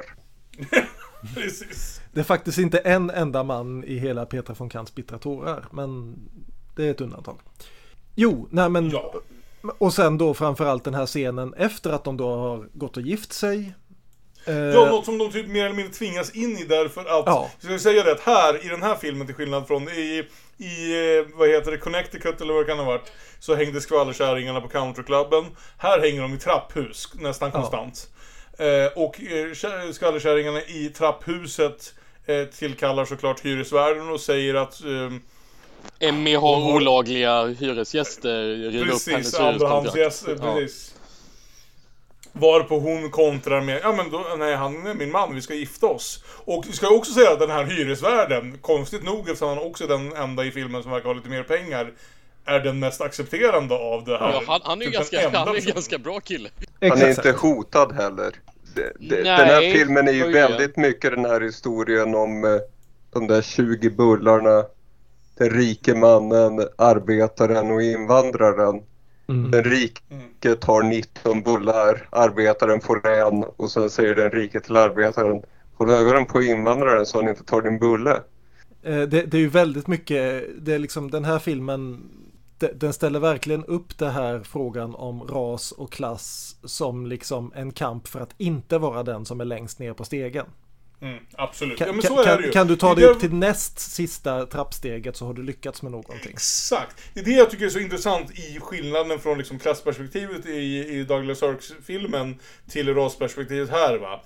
Att när, även nu när vi alla mer eller mindre befinner oss på samma liksom, ekonomiska steg, steg, stegpinne så måste vi hitta vilka som står under oss. Och det är klart för alla de liksom alla de liksom vita västtyskar som inte tjänar så bra med pengar, vilka ska vi slå ner emot? Jag menar det här är ju verkligen jag menar, det är ju löjligt hur lite den här filmen har åldrats. Det är direkt tragiskt, men det är liksom... Nej, det här när, ehm, när det kommer en ny städerska från ehm, Herzegovina och hon tar ja, lite mindre i timmen Mm. Så, så är ju hon ett hot för eh, då kan få sparken eftersom det finns de som jobb, gör samma jobb för mindre pengar. Mm. Så allt det där är ju bara nattsvart och aktuellt. Jaha, men vi har, vi, har, vi, har, vi, har, vi har svävat lite runt det här men vi måste komma fram till scenen känner jag då hon ändå, trots att hon sällan träffar dem, kallar alla sina, sina barn till lägenheten. Vi har två scener att ja. prata om där alldeles efter att de gifte sig. Den första är ju deras bröllopsmiddag. Det är då de går på Hitlers restaurang. Hitlers restaurang, ja. ja. Och åter, återigen sitter helt ensamma i den här restaurangen. Man får anta att de kom dit typ 11 på förmiddagen eller någonting sånt. Precis. På en, Eh. ganska, och en ganska lyxig restaurang som ingen av dem egentligen Ja. är bekväm med. Men de tänker, det är väl något sånt här man, vi borde göra. Ja, Vad är det Och- lyxigaste du kan föreställa för din bröllopsmiddag? Ja men Hitler gick ju för fan hit. Ja. det måste vara lyxigt. och, och hon kan inte ens beställa maten för hon vet inte vad liksom olika kötttillredningssätt är. Liksom. Hon, hon vet inte skillnaden mellan eh, rare och well done. Liksom. Det, Eh, Wie hätten Sie das Chateaubriand gern? Wie? Gebraten, oder? Aber gewiss doch, Gnäfrau. Gebraten. Aber wie? Englisch oder Medium? Was? Englisch, das klingt gut. Also Englisch, fast roh. Gern. Roh? Björn, du som kan engelska. Ja. Säger man rare som engelsk på tyska? ja. Det lät Ja. så. Gör man det alltså? Det hade ju inte jag heller förstått. För att jag är vegetarian. Det är så engelsmännen äter sitt kött. Nej men det- han, han, han den här kyparen är ju ganska obehaglig i sin korrekthet i hur han ser ner på det här paret men inte säger någonting om det. Men, men hur, hur kameran fångar varje, Oh, ja. varje så nedsättande blick som han gör. Det är ju otroligt birollskådespel från en karl som bara ska spela en kypare. Eller hur? Och, och han är fullt medveten om att, han, om att hon inte begriper vad han säger när han frågar hur vill ni ha steken eller vad vill ni ha till aperitif. Och han gör absolut ingenting för att underlätta det för henne utan han låter henne sitta där och svettas och känna hur fullkomligt utanför hon är. Mm. Men sen som sagt så har de ätit upp och så kommer de hem och ska presentera, hon ska presentera sin nye man för barnen. Två, tre västtyskar i billig kostym och dålig mustasch och sin dotter. Eh, Ja. Alltså, alltså om någon följer webbserien eh, Scandinavian the World så finns det en avatar för Tyskland där som verkligen ser exakt ut som Rainer Werner Fassbinder i den här scenen förutom att han också, förutom att han också är klädd i en tysk flagga och släpar runt på en gigantisk korv hela tiden. Men, men utöver det så är det verkligen, det här är så, ja. Och, och här får vi då den främsta kopplingen till eh, Sirks film också. Att en tv spelar en viktig roll menar jag. Precis. Ja. Därför att hennes äldsta sons spontana reaktion är då att sitta tyst och sen resa sig upp och gå fram och sparka sönder tvn. Alltså det är en, en, alla dessa år sedan jag såg den här filmen senast. Jag har sett den två gånger och det var typ år 2000 och igår. Och det jag minns, om någon sa till mig, jag kommer ihåg Rädsla urholkar själen, så tänkte jag, är det filmen där en västtysk man går fram och impotent sparkar sönder en TV? så, så liksom, ja, det, det är en oförglömlig jävla stund. Det är en så konstig reaktion. Det är så extra roligt hur många försök det tar honom. det är en helt fantastisk, för han tror att han gör det mest macho han kan göra vid tillfället. Jag vet inte liksom, det är ju att han behöver få ut sin frustration, för han inser ändå han är så pass kompetent samhällsmässigt att han inte kan gå fram och slå sin mammas nya man på käften. Och framförallt så är det väldigt tydligt att han skulle förlora en sån fight. Ja, Så just den reaktionen är samtidigt så tragisk och så hysteriskt rolig. Alltså så här är det. Det är ju inte en rolig film särskilt ofta, det är en djupt tragisk film. Men det finns underfundigheter i allt det här liksom, i beteendehumorn som jag ändå tycker är... Jag tror också hjälper att den får det här drivet, att den aldrig känns tung att ta sig igenom utan att den driver på ganska bra liksom. Mm. men så har vi ju det här just som vi nämnde lite kort, just det här när filmen vänder också. Vi ska inte gå in på alla detaljer här, för det är, även om det är se filmen för guds skull, för det är Alltså fantastiska detaljarbetet är Ja. så fenomenalt. Men, men, men just det här när de då bestämmer sig för att de står inte ut med det här. Eh, att behandlas på det här sättet i samhället. Så de åker på semester i ett par veckor. Och hoppas att när de kommer tillbaka så ska folk ha vant sig. Och det verkar de ha gjort. Men det som i själva verket har hänt det är ju att folk har insett, nu har vi markerat, nu har vi sparkat ner henne en bit. Men vi, måste, vi behöver ju fortfarande saker av henne. Mm. Vi behöver ha lite grannsämja, vi behöver ha någon att se ner på, vi behöver ha någon som är pigg på att jobba sig tillbaka in i våra, liksom i vår goda, vad säger man på svenska? Eh, liksom pigg, Ja, precis. Någon mm. som vill komma tillbaka till vår, liksom, samhället. Det, och de är villiga att släppa in henne igen på villkor. Villkoren då varande att de får något av det. Liksom sonen köper lite motvilligt en ny tv åt henne och säger att ja men det var väl inte så farligt det här. Förresten kan du vara barnvakt fem dagar i veckan. Mm. Just det här med eh. sonen eh, tycker jag är ett lustigt element av eh, skrämmande humor. Där han, eh, ja, han ber om ursäkt. Förlåt, jag sparkade sönder tvn, jag blev lite arg. Hon, mm. ja, du hade alltid ett sånt humör. Minns du katten? Och de förklarar aldrig den där katten. Oh, men det är en sån härlig hotfull detalj. Minns du katten? ja, den hänger, ja, att, ja, det är lite obehagligt att det hänger i luften. De lämnar den helt hängande. Ja, det, ja. det sägs ingenting mer om det då? Nej, det, nej, det är bara minns du katten? Så vad som är... Fantastiskt. Men, men sen också den här fruktansvärda scenen då när hon bjuder hem sina oh. arbetskamrater. Oh, som ju då har liksom, när de nu har markerat att de står på pinnen ovanför henne och de dessutom har fått en ny jugoslavisk kollega. Så kan de ju släppa in henne på näst lägsta pinnen i alla fall.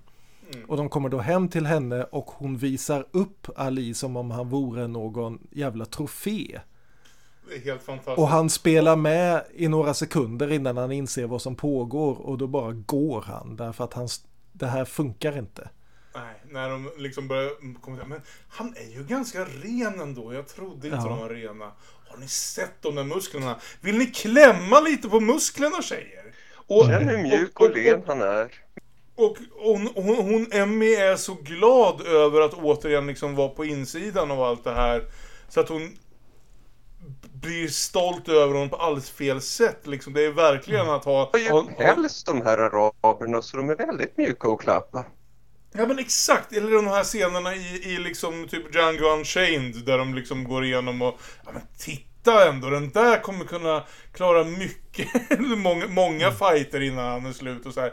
Det är verkligen liksom att behandla dem som, som, som ett stycke kött på ett sätt som är så otroligt obehagligt hur snabbt hon faller tillbaka in i det. Och också hur eh, vår gode Rainer av tydligen förklarliga skäl gillar att filma eh, sin, eh, sin älskare på ett ganska, är han inte ganska fin? Kolla, ja, exakt, det är det som är så perfekt. Alltså, och sen går det här alltså. överstyr. Exakt. Om inte Rainer fann, fann Ali så jävla snygg skulle han inte lika väl kunna liksom porträttera varför liksom, att kameran och de andra kvinnorna i filmen filmar honom så tilltalande. Det är verkligen perfekt jävla gjort att liksom släppa in sig själv till den graden. Men sen att vissa av dem gör det på, om vi nu inom liksom kaninöron, på fel sätt. Det... Man blir lite medskyldig eftersom man har ju tittat på de vackra bilderna. Man har, ja, man, har, man har ju suttit och beundrat Elia, jo. Ja men alltså han är ju en extremt stilig karl. Det finns ju inget, inget snack om saken. Även för liksom en mestadels heterosexuell man som en själv så, så men det går ju inte att frånkomma att han har en imponerande fysik, att han ser bra ut liksom. Nej, men eh, för att följa upp bara det du sa om att kalla Emmy för en gammal nazist. Så ja. eh, jag ifrågasätter inte att det kan ligga någonting i det, men jag skulle ändå vilja säga att hon även, som ju då vi har konstaterat har levt under nazisttiden, men att hon även där har haft någon liknande roll där hon kanske har stått lite i ganska låg rang även då gissar jag som, som gift med, med en polack till exempel. Men, men att hon har, hon har aspirerat kanske på att vara en del av nazistsamhället. Men Exakt, för varje rättrogen nazist så hade du ju gissningsvis liksom 5-10 stycken som bara lärde sig att spela med Ja. för att inte dö. Ja. Och hon faller väldigt snabbt in i att jag måste spela den här rollen Ja. för att det är den som är bekvämast för mig just här och just nu för att inte återigen förlora min status, för att inte återigen försättas liksom på pottkanten. Mm. Hon är så, för hon, missade lite det, men det är ju den här nästan mest berömda scenen skulle jag säga i filmen som är på den här uteserveringen där innan de åker på semester där Emmy är fullständigt knäckt. Och eh, den här personalen på uteserveringen, de sitter på en uteservering i regnet och hela personalen står och observerar dem från sidan av. för att det är inga andra gäster där heller. Nej. Nej. Den här iakttagande scenen när de verkligen känner Okej, om ni inte har fattat det de fyra gångerna vi gjorde det här tidigare så ska vi nu banka in det. Och det Det är ju inte blir... en subtil film, jag älskar att det inte är en subtil film. Nej, eller hur? Eh, Och det blir bättre varje gång de gör det där tricket. Ja, och det är ju ingen av de här två filmerna som är det då, men... Men samtidigt så, för att vara så tydliga så är de också väldigt lätta på handen i berättandet och har ett svung i det hela. Båda är 90 minuter ungefär. Ja, jag håller med. Så ja, man har aldrig tråkigt även om filmen är på tyska. Nej, alltså jag, jag, jag tycker det är något fenomenalt. För sen så är det ju här att efter att ha blivit behandlad som, en, som ett stycke kött. Men, men det är ju också någonting tragiskt i det här som, alltså jag börjar verkligen fundera för att han går tillbaka till den här kvinnan som äger baren. Han går inte tillbaka till hon som jag läser som en sexarbetare utan till den andra kvinnan som äger baren och som är duktig på att koka couscous. Eh, som han uppenbarligen har haft ett tidigare förhållande till. Och man börjar ju fråga sig här, för de har ganska väna scener ihop. Att varför är han inte bara med henne? Alltså även innan filmen startar. Nej, men jag, jag tolkar hittar- det som att han, Ja. han känner en dragning på riktigt till Emmy på grund av att han känner igen sin vilsenhet i henne. Ja. Och att hon, att bartendern kanske inte har den vilsenheten även om de kommer bra överens och är attraherade av varandra och, och Mm, säkert mm. och hade kanske kunnat ha en bra relation ihop i och för sig. Men att, Mm, men att, ja. men att det kanske ändå är det Emmy som gör att han bara wow. Eh, det här är ju, det det här är ju jag det. liksom. Ja, nej men exakt, exakt. Bartenderkvinnan verkar ju vara den mest sympatiska i filmen får man ändå säga. Så är, så är det ju. Och eh, det, ja, och eftersom det här är en mer från båda hållen film så finns det ju en scen även tidigare där eh, Alis kompisar är lite skeptiska över det här förhållandet Mm. och eh, hon som eventuellt är en sexarbetare säger någonting om att "Ö, det kommer aldrig att gå väl för dem. Och hon bartenderkvinnan tittar och Ja, det är klart det inte kommer att gå väl, men vad spelar det för roll? Eh, vi får ta vad vi får här i världen. Exakt, jag älskar den scenen. Ja, det tycker jag är kanske det finaste. Jo. Och, och hela den här scenen där han då liksom vänstrar på Emmy med eh, den här bartendern. Det här, som, eh, förlåt, barägaren. Det är hon väldigt noga med att understryka första Ja, gången hon ja, träffar Emmy. det, ja, det är sant. Mm. Det, det är liksom, jag är inte flickan bakom baren, Nej. det här är min bar. Mm. Det är liksom, det är verkligen att hon är ändå, för, hon är vän, hon är vän till Ali i första hand. Att de kryper i säng tillsammans, det händer först efter att liksom han har gjort tydligt att det är det han vill. Hon, hon är inte den här onda, liksom blonda tjejen. Trots att hon är väldigt blonderad och väldigt pushuppad så är hon inte den som vill spräcka det här förhållandet. Men hon tänker inte heller stå tillbaka om han bestämmer sig för att hoppa över skacklarna. Nej, nej precis. Det, det, jag, jag gillar verkligen hela det här och eh, det här långa, återigen, det finns många sådana här scener där Fassbinder bara håller på några karaktärer. Och just det här när han film, när han, på den här restaurangen när de äter på Hitlers restaurang så filmar han länge genom den här dörren där de bara sitter ensamma vid ett bord. Och så upprepar han exakt samma scen där Ali och Barbara då står halvnakna och bara håller om varandra i hennes eh, vardagsrum. Det Och, och, och det, Alltså, det, är in, det är inte det här liksom att de kastar sig över varandra och faller ner i soffan utan det är verkligen, de står halvt avklädda och bara klamrar sig fast vid varandra. det är kanske unikt det här med att den andra kvinnan som förblir den andra kvinnan är den mest sympatiska i filmen. Ja. Liksom enligt filmen själv. Mm. Ofta så Ja. tänker man ju så att nej, det är ju de andra som är dumma men hon är ju som ändå skurken i dramat. Inte Ja. här. Det är Ja. någonting Och så, bra med det. Och så får vi ändå den här stora försoningsscenen där Emmy kommer till kaféet och ber dem sätta på samma låt som de spelade första gången de dansade. Och Ali som har spelat bort hushållskassan och eh, skickat en av kompisarna hem för att hämta mera pengar. Bara en sån sak. Eh, kommer fram till henne och upprepar den här repliken Du tansen mit mir? Ska vi dansa? Och de liksom låtsas att gå upp att det är första gången och de faktiskt får prata ut om det här. Och de förstår varandra igen. Och de är, de är så pass, vad ska man säga, de har så pass dålig självkänsla att de kan acceptera att den andra eh, behandlar dem illa ibland. Mm. Vilket, ja, alltså, jag, jag, jag funderar lite hur jag ska... Vad Fassbinder tänker om det. För det finns ju Mm. två, liksom, antingen att, att det är en helvetesspiral de startar om igen. Eller att det är så här vi måste kunna leva med varandra. Att det kommer aldrig bli perfekt. Det kommer Nej. liksom, nej. Och jag vet inte riktigt på vilken sida av det stängslet han faller ner här. Eh, Det, händer behöver han ju heller till. inte, för, för det som händer här är ju motsvarigheten till att ramla ut, ut för det där stupet.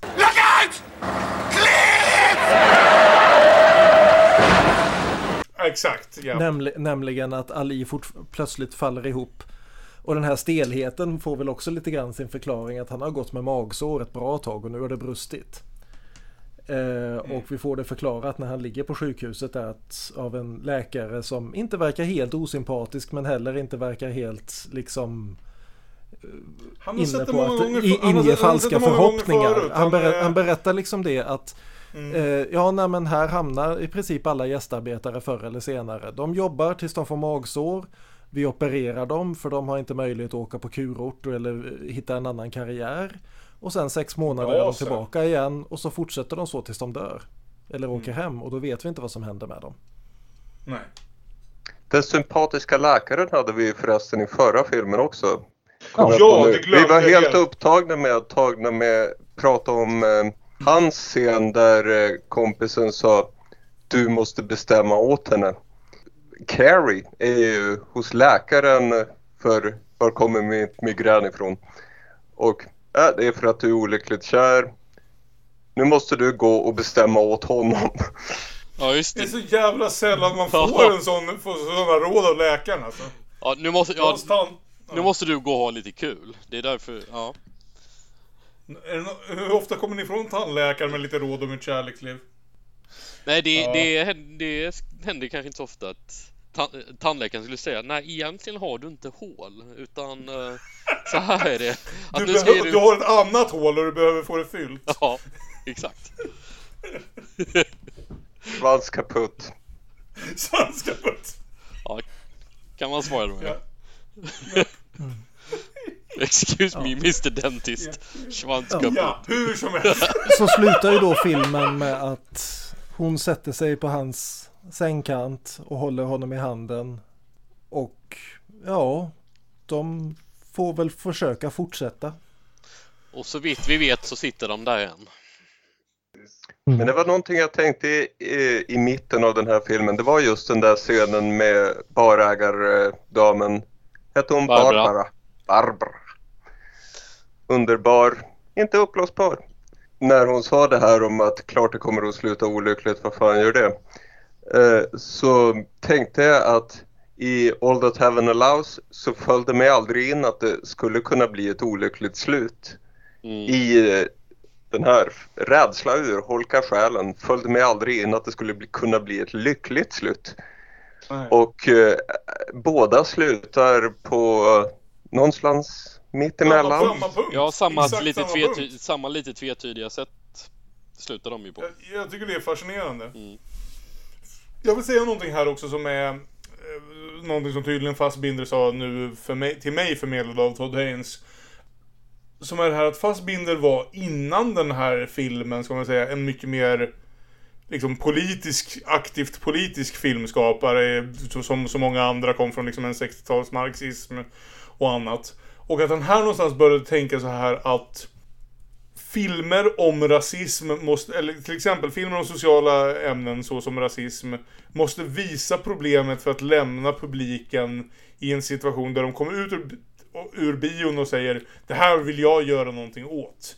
Om du visar en film, om du gör en film om folk som kämpar mot rasismen aktivt, kommer publiken ur bion och säger Jaha, men det finns någon annan där ute som redan gör det här jobbet, det är inte mitt problem nu. utan han menar, vi, vi visar de svåra sociala situationerna egentligen utan liksom att visa på lösningar eller andra liksom akt, att, att folk redan aktiveras emot det. För då kommer folk komma ut upprörda och arga. Det intressanta med det är att Goebbels hade precis samma insikt som propagandaminister. Han såg de ryska filmerna och konstaterade att de är bra, de är väldigt bra, men de lämnar ju inte någonting för folket att göra. Nej, exakt. Nej, Det är de är ju visst att, att sovjetiska eh, filmer var bitvis ganska övertydliga. Ja. Att det är det. Nej men och, och det är ju liksom, och jag vill säga så här att, att den insikten säger en del till mig även om resten av filmerna som Fassbinder gör i sin karriär. Det finns, det finns många problem som visas upp. Det finns sällan lösningar. Lösningar, eh, att visa lösningar aktiverar inte publiken. Och visst, han blev mindre och mindre politiskt aktiv för han skulle ha tid att göra var det 47 pjäser och 315 filmer på 10 år. Men han, det betyder inte att han tappade liksom intresset för vad som pågick rent samhällsmässigt. Jag, jag, jag tänker det är ju väldigt, just som sagt jag såg ju om eh, Effie Briest som också är från 74. Mm, Den, en, en av dem jag inte har sett faktiskt. Ja, och den gör ju väldigt mycket samma sak där. Det är ju liksom en anpassning av en 1800-talsroman om liksom preussisk hederskultur. Som verkligen slutar på det här att alla är bundna av samhällets normer. Ingen har någon handlingsfrihet överhuvudtaget. Vår hjältinna dör fullkomligt meningslöst, helt ensam och utkastad ur samhället. Och filmens sista scen är hennes föräldrar som konstaterar att Jaha, men vi gjorde väl inget fel va? Ja. Och, och det är verkligen ett slut som i all sin kostymfilms eh, uppsättning och idylliska liksom trädgårdsscener och alltihopa gör en asförbannad. Ja. Ja. Just därför att alla ser problemet och alla kommenterar problemet och kommer fram till att men vad ska jag göra åt det? Ja, det, det, är mitt, det är mitt öde att spela den här rollen i den här filmen. Eh, han var en förbannat fascinerande regissör alltså. Och jag ska säga det också, jag har sett några filmer av honom som jag inte tycker är så intressanta. I och för sig ska jag säga att det är filmer innan den här. De flesta filmer som jag har sett som han har gjort efter den här tror jag faktiskt jag tycker ganska bra om. Gud, jag tyck, vilken fantastisk... Jag, jag, jag tyckte det var kul att ha den här diskussionen. Vilken fantastisk jävla film, tycker jag i alla fall. Som sagt, en av de allra bästa vi någonsin jävlar med har pratat om. Vad heter det? All That Heaven Allows, inte så tokig heller. Eh, Jag tycker Ja, båda ja. är väldiga toppfilmer alltså. Ja. Jag håller med. Mm. Ja, verkligen. Ja, men eh, lätt en av de intressantaste diskussionerna jag känner att vi har haft på ett tag. Eh, Olof, vart, vart landar du? Du behöver inte nödvändigtvis välja den ena framför den andra, men jag tror att vi bara antog någonstans att du tyckte om Rädsla urholkar själen utan att du faktiskt fick säga det själv. Ja, jag, jag tyckte väldigt mycket om räds- Rädsla urholkar själen. Eh, Ja. Och eh, jag tycker om eh, All That Heaven Allows eh, också väldigt mycket.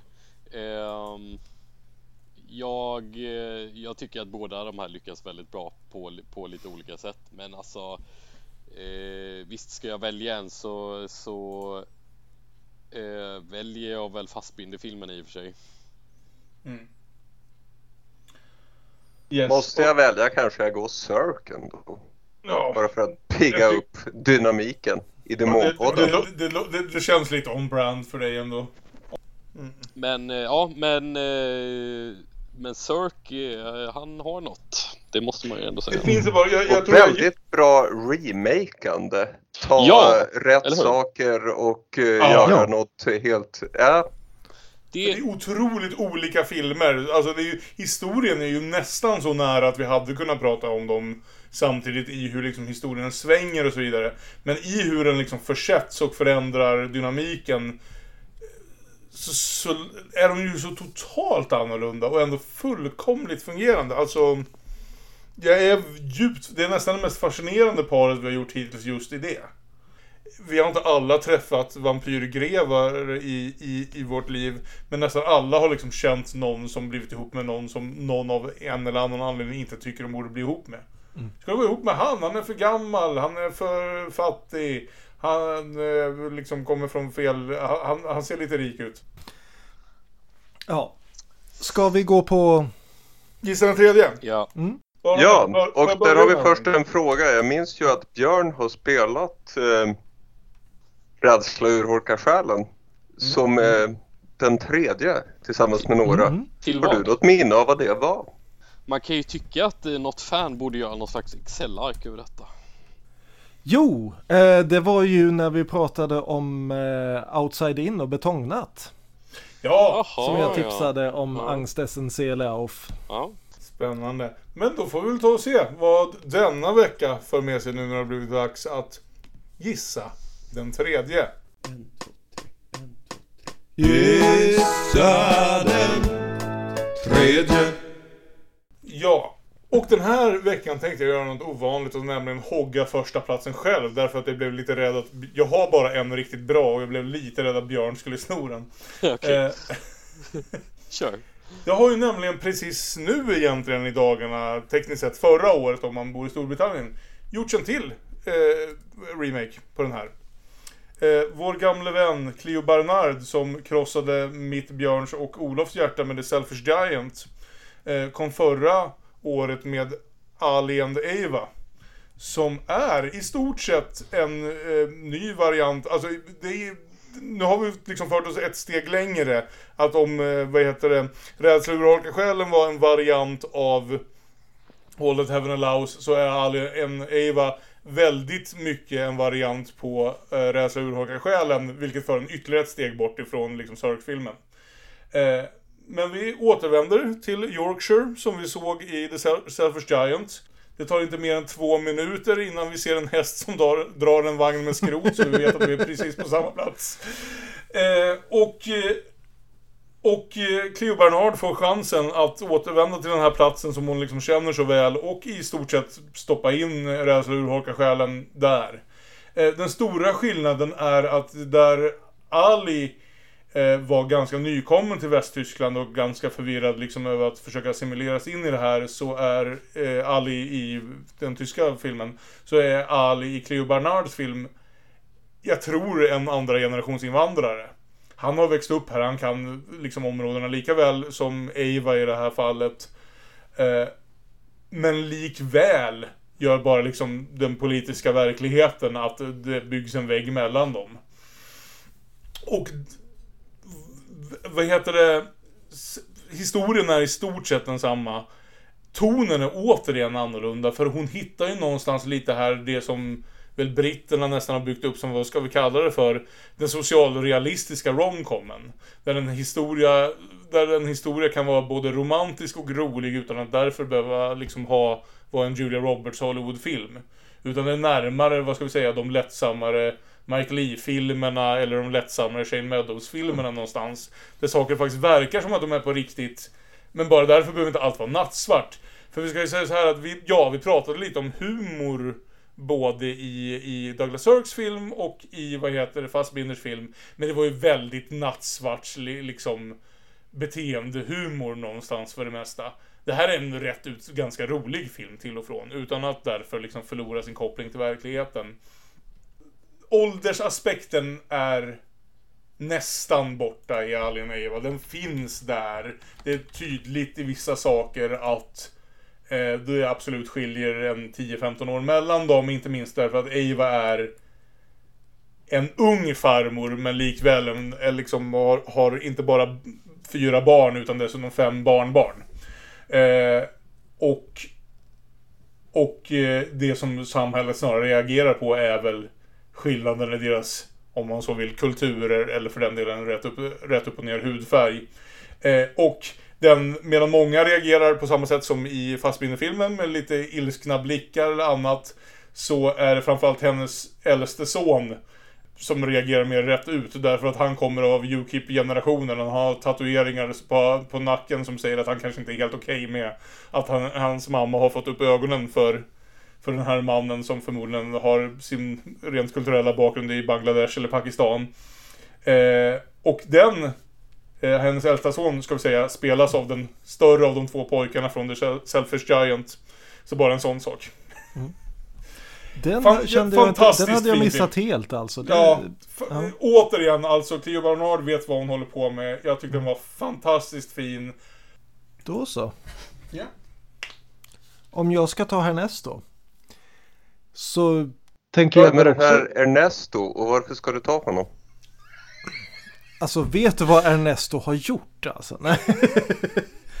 jo, nej men eh, jag var faktiskt, jag funderade länge på vad man kan ta här ett kort tag var jag faktiskt inne på att säga att ja, men om vi har en film om en yngre man som uppvaktar en äldre änka och försöker ta sig in i en societet där han inte hör hemma så är ju det faktiskt handlingen i Duck Soup och faktiskt de flesta av bröderna Marx filmer. Eh, men fullt så galna ska vi inte bli här. Utan vi har pratat jo. så mycket Todd, och vi har pratat så mycket Todd Haynes redan också så det, det skippar jag. Jag ska bara Men... slänga in där att Far, Far, From Heaven och Carol är såklart fantastiska filmer. De två som ja, är mest precis. uppenbart Douglas Sirk. Bo, båda de vore självklara här egentligen. Men jag tänkte jag skulle gå lite längre ifrån liksom grundhandlingen här och ändå prata lite grann om en ganska ny film. Eh, som vi nämnde som hastigast i 2021 avsnittet. Det är ju då Re Rebecca Halls Passing från förra året. Just eh, det! Bra koppling. Eh, som då handlar om två vänner i eh, 20-talets New York. Eh, uppvuxna i samma, eh, Eh, ungefär samma eh, förhållanden men där den en, båda är svarta men den ena är tillräckligt ljus för att kunna passera som vit. Och när de då möts igen i vuxen ålder och upptäcker de olika vägar deras liv har tagit. Och vad den spinn de sätter på varandras liv när de då träffas och börjar, börjar umgås igen. Och kopplingen till de här filmerna är kanske inte fullt så självklar. Men jag tycker de här, de här historierna har väldigt gemensamt DNA i just den här frågan om vem bestämmer vem som hör hemma i samhället och hur, vad är du villig att kompromissa med dig själv för att passa in i det? Och för att passa in i ett förhållande som är uppenbart ojämlikt på grund av hur du uppfattas av omvärlden. Och det här är en sån här film som jag Ligger den fortfarande på Netflix? Jag vet inte om den gör det men den, Det är väl ett Netflix original tror jag så den borde Nej, det, den köptes, eh, distributionsrätterna köptes av Netflix, den är inte gjord av Netflix. Ah, ett covid-fall. Exakt. Så den borde fortfarande ligga på Netflix. Den har inte fått så mycket uppmärksamhet som jag tycker att den borde ha fått. För det är dels en väldigt, väldigt vacker svartvit film nu när vi har suttit och prisat eh, en, eh, en liksom videofilmad film och en eh, Technicolor-film. Så ska vi ha lite svartvitt också. Men det är just det här sättet som filmen dansar runt de här knepiga förhållandena och de här knepiga identiteterna och inte klarar av att hitta en lösning på det. det den får ett väldigt dramatiskt slut den här som väl är mer slutgiltigt än vad någon av de här två filmerna får. Ska inte säga exakt hur. Men som fortfarande inte löser frågan på något vis. Mm. Alla de här tre filmerna slutar på ett enda stort punkt, punkt, punkt frågetecken. Mm. Och eh, framförallt så tycker jag att eh, Ruth Negga och Tessa Thompson gör så fantastiska insatser i den här filmen. Så att det är en film som återigen den här fina tiden, den gamla gyllene tiden, var den så bra ändå? Och ja. vad tar vi med oss av det? Alltså, äh, jag tyckte det var också en ganska underskattad film någonstans. Den funkade inte...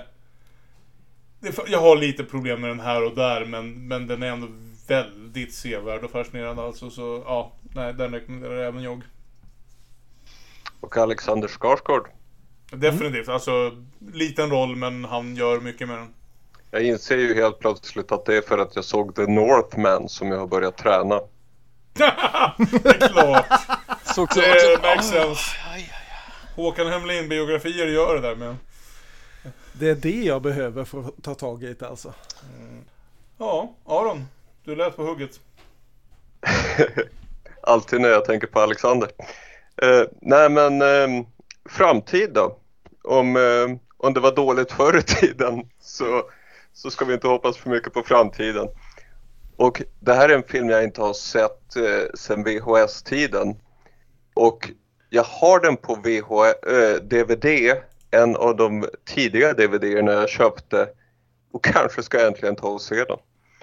Det är THX 1138. Oh.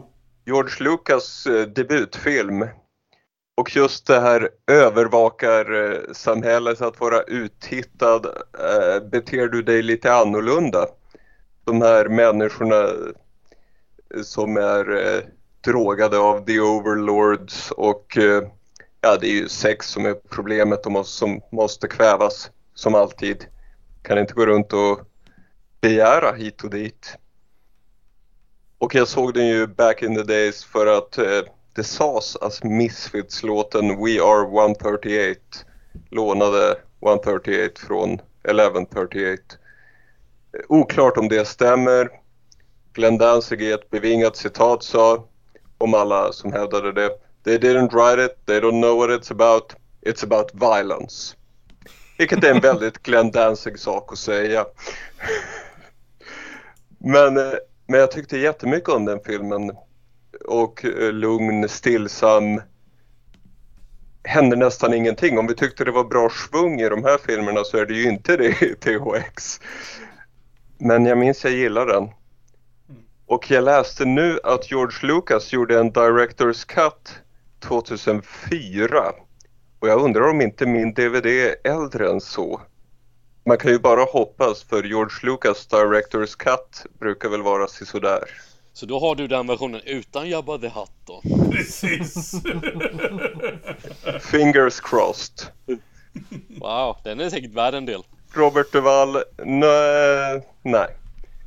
Men eh, jag tyckte så mycket om den att eh, jag tänker fortfarande på Robert Duvall som han som var med i THX 1138.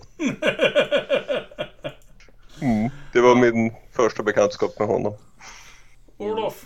Ni får ursäkta om ni tycker det här känns för uppenbart, men det jag vill prata om är Todd Haynes. Ja men bra, ja men bra. och det var absolut vad jag hade tagit om någon annan hade tagit det eller nej va? Nej, och, och, eh, och det, det jag vill prata om är Carol. Ja. Yes. Bra. Eh, för, för att på, på 1950-talet i USA var det inte bara besvärligt att vara kvinna, svart eller arborist utan även att vara lesbisk.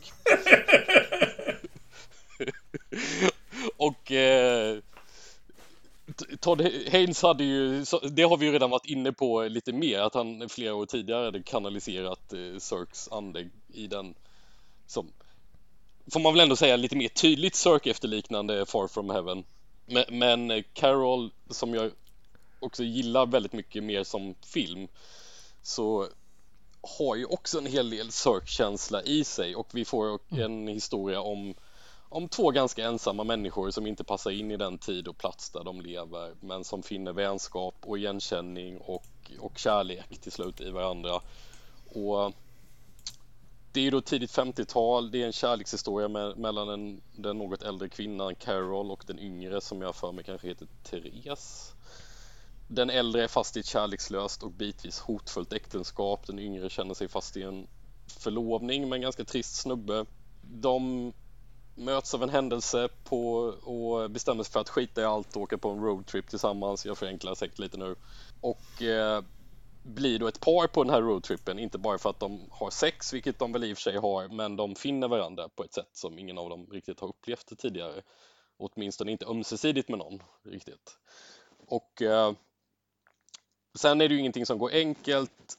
Eh, allt kommer såklart gå åt helvete minst ett par gånger om, för det är ändå tidigt 50-tal i USA. Och det är, mycket, det är väldigt mycket jag gillar med den här filmen. Jag gillar att det ser ut som en samtida film. Det ser ut eh, en del som en Cirque-film, men, men bilderna är mycket mer tvetydiga sett i ett modernt ljus. Kate Blanchett är helt fantastisk eh, som, som Carol. Jag kommer ihåg att jag var alldeles förtrollad av den rollprestationen mm. när jag såg henne i den här. Jag tycker också väldigt mycket om boken i och för sig som jag också har läst och det är sånt där kanske gör att jag gillar filmen lite extra för att jag tycker att det är ett sånt där fall där jag gillar boken och filmen mycket på lite, fast på lite olika sätt. Mm. Mm. Eh, och såklart att en Ja men det, det är det. Det är, det är en bra eh, bokfilmatisering som inte rakt av tar boken utan hittar lite andra vinklar vill jag minnas att jag har tänkt. Ja, precis. Eh, och så, såklart att en lesbisk film som, som påminner i och för sig inte så lite om Thelma och Louise inte måste sluta med att bilen kör ut för stupet på slutet. Så, så har jag visserligen spoilat Thelma och Louise men kanske inte Carol allt för mycket. Nej. Nej men Car Carol har en av de absolut mest liksom intensiva slutscener jag någonsin har sett. Jag kommer ihåg, jag hade den scenen, liksom, jag, jag darrade när jag kom ut i biografen just för hur jävla liksom, hur han sätter den slutscenen. Den ja, är så perfekt. Det är den verkligen. Vi omnämnde den, vi satt en gång bara för vår egen goda nöjes skull och gjorde en sån där screendraftslista över 2010-talets bästa filmer. Jag är ganska säker på att någon av er satte Carol på, ganska högt på den. Det hoppas jag sannerligen. Ja. Jag minns inte. Och, och, och som sagt, kopplingen till, de här, till framförallt då Over Heaven Allows är ju uppenbar. Liksom, han använder ju till exempel hela den här scenen med julgranarna där. Den dyker ju upp i mm. Carol mm. också. Och det är flera andra scener som är väldigt, ja, det, det, det, det är fantastiskt stycke pastisch alltså. Mm.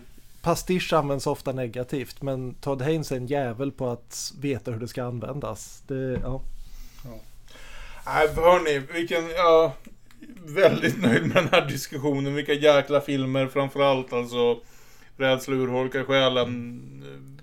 Gjorde ett ordentligt jobb på mig den här gången måste jag säga. Och jag älskade att ha den här, det här lilla snacket med er. Så därför ska, känner jag också att det ska bli väldigt roligt att få komma tillbaka om några veckor och prata om fler varianter av samma historia. Och nästa gång är ju Olofs val. Vad blir det Olof? Oh, är det då vi ska köra Pygmalion och My Fair Lady?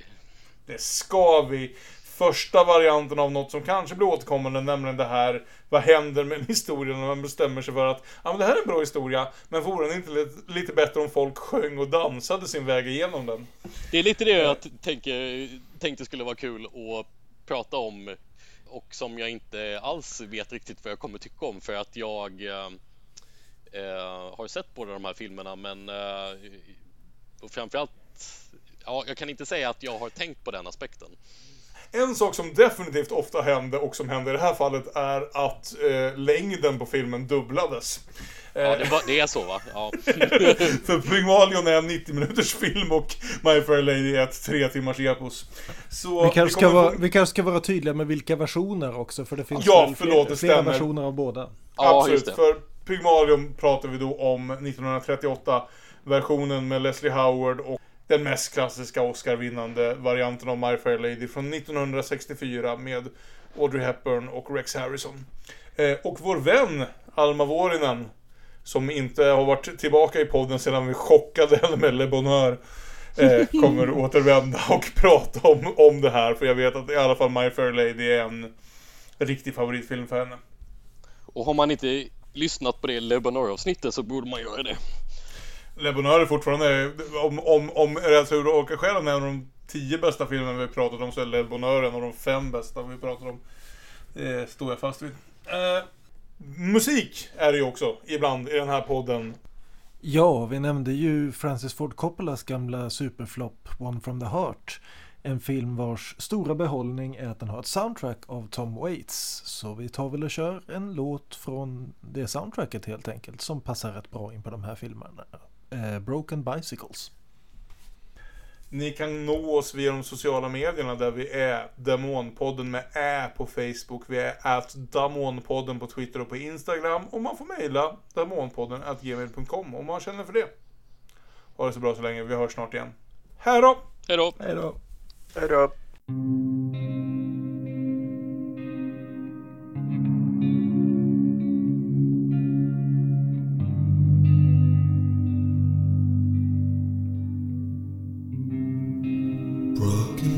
Bicycles, old busted chains, rusted handlebars,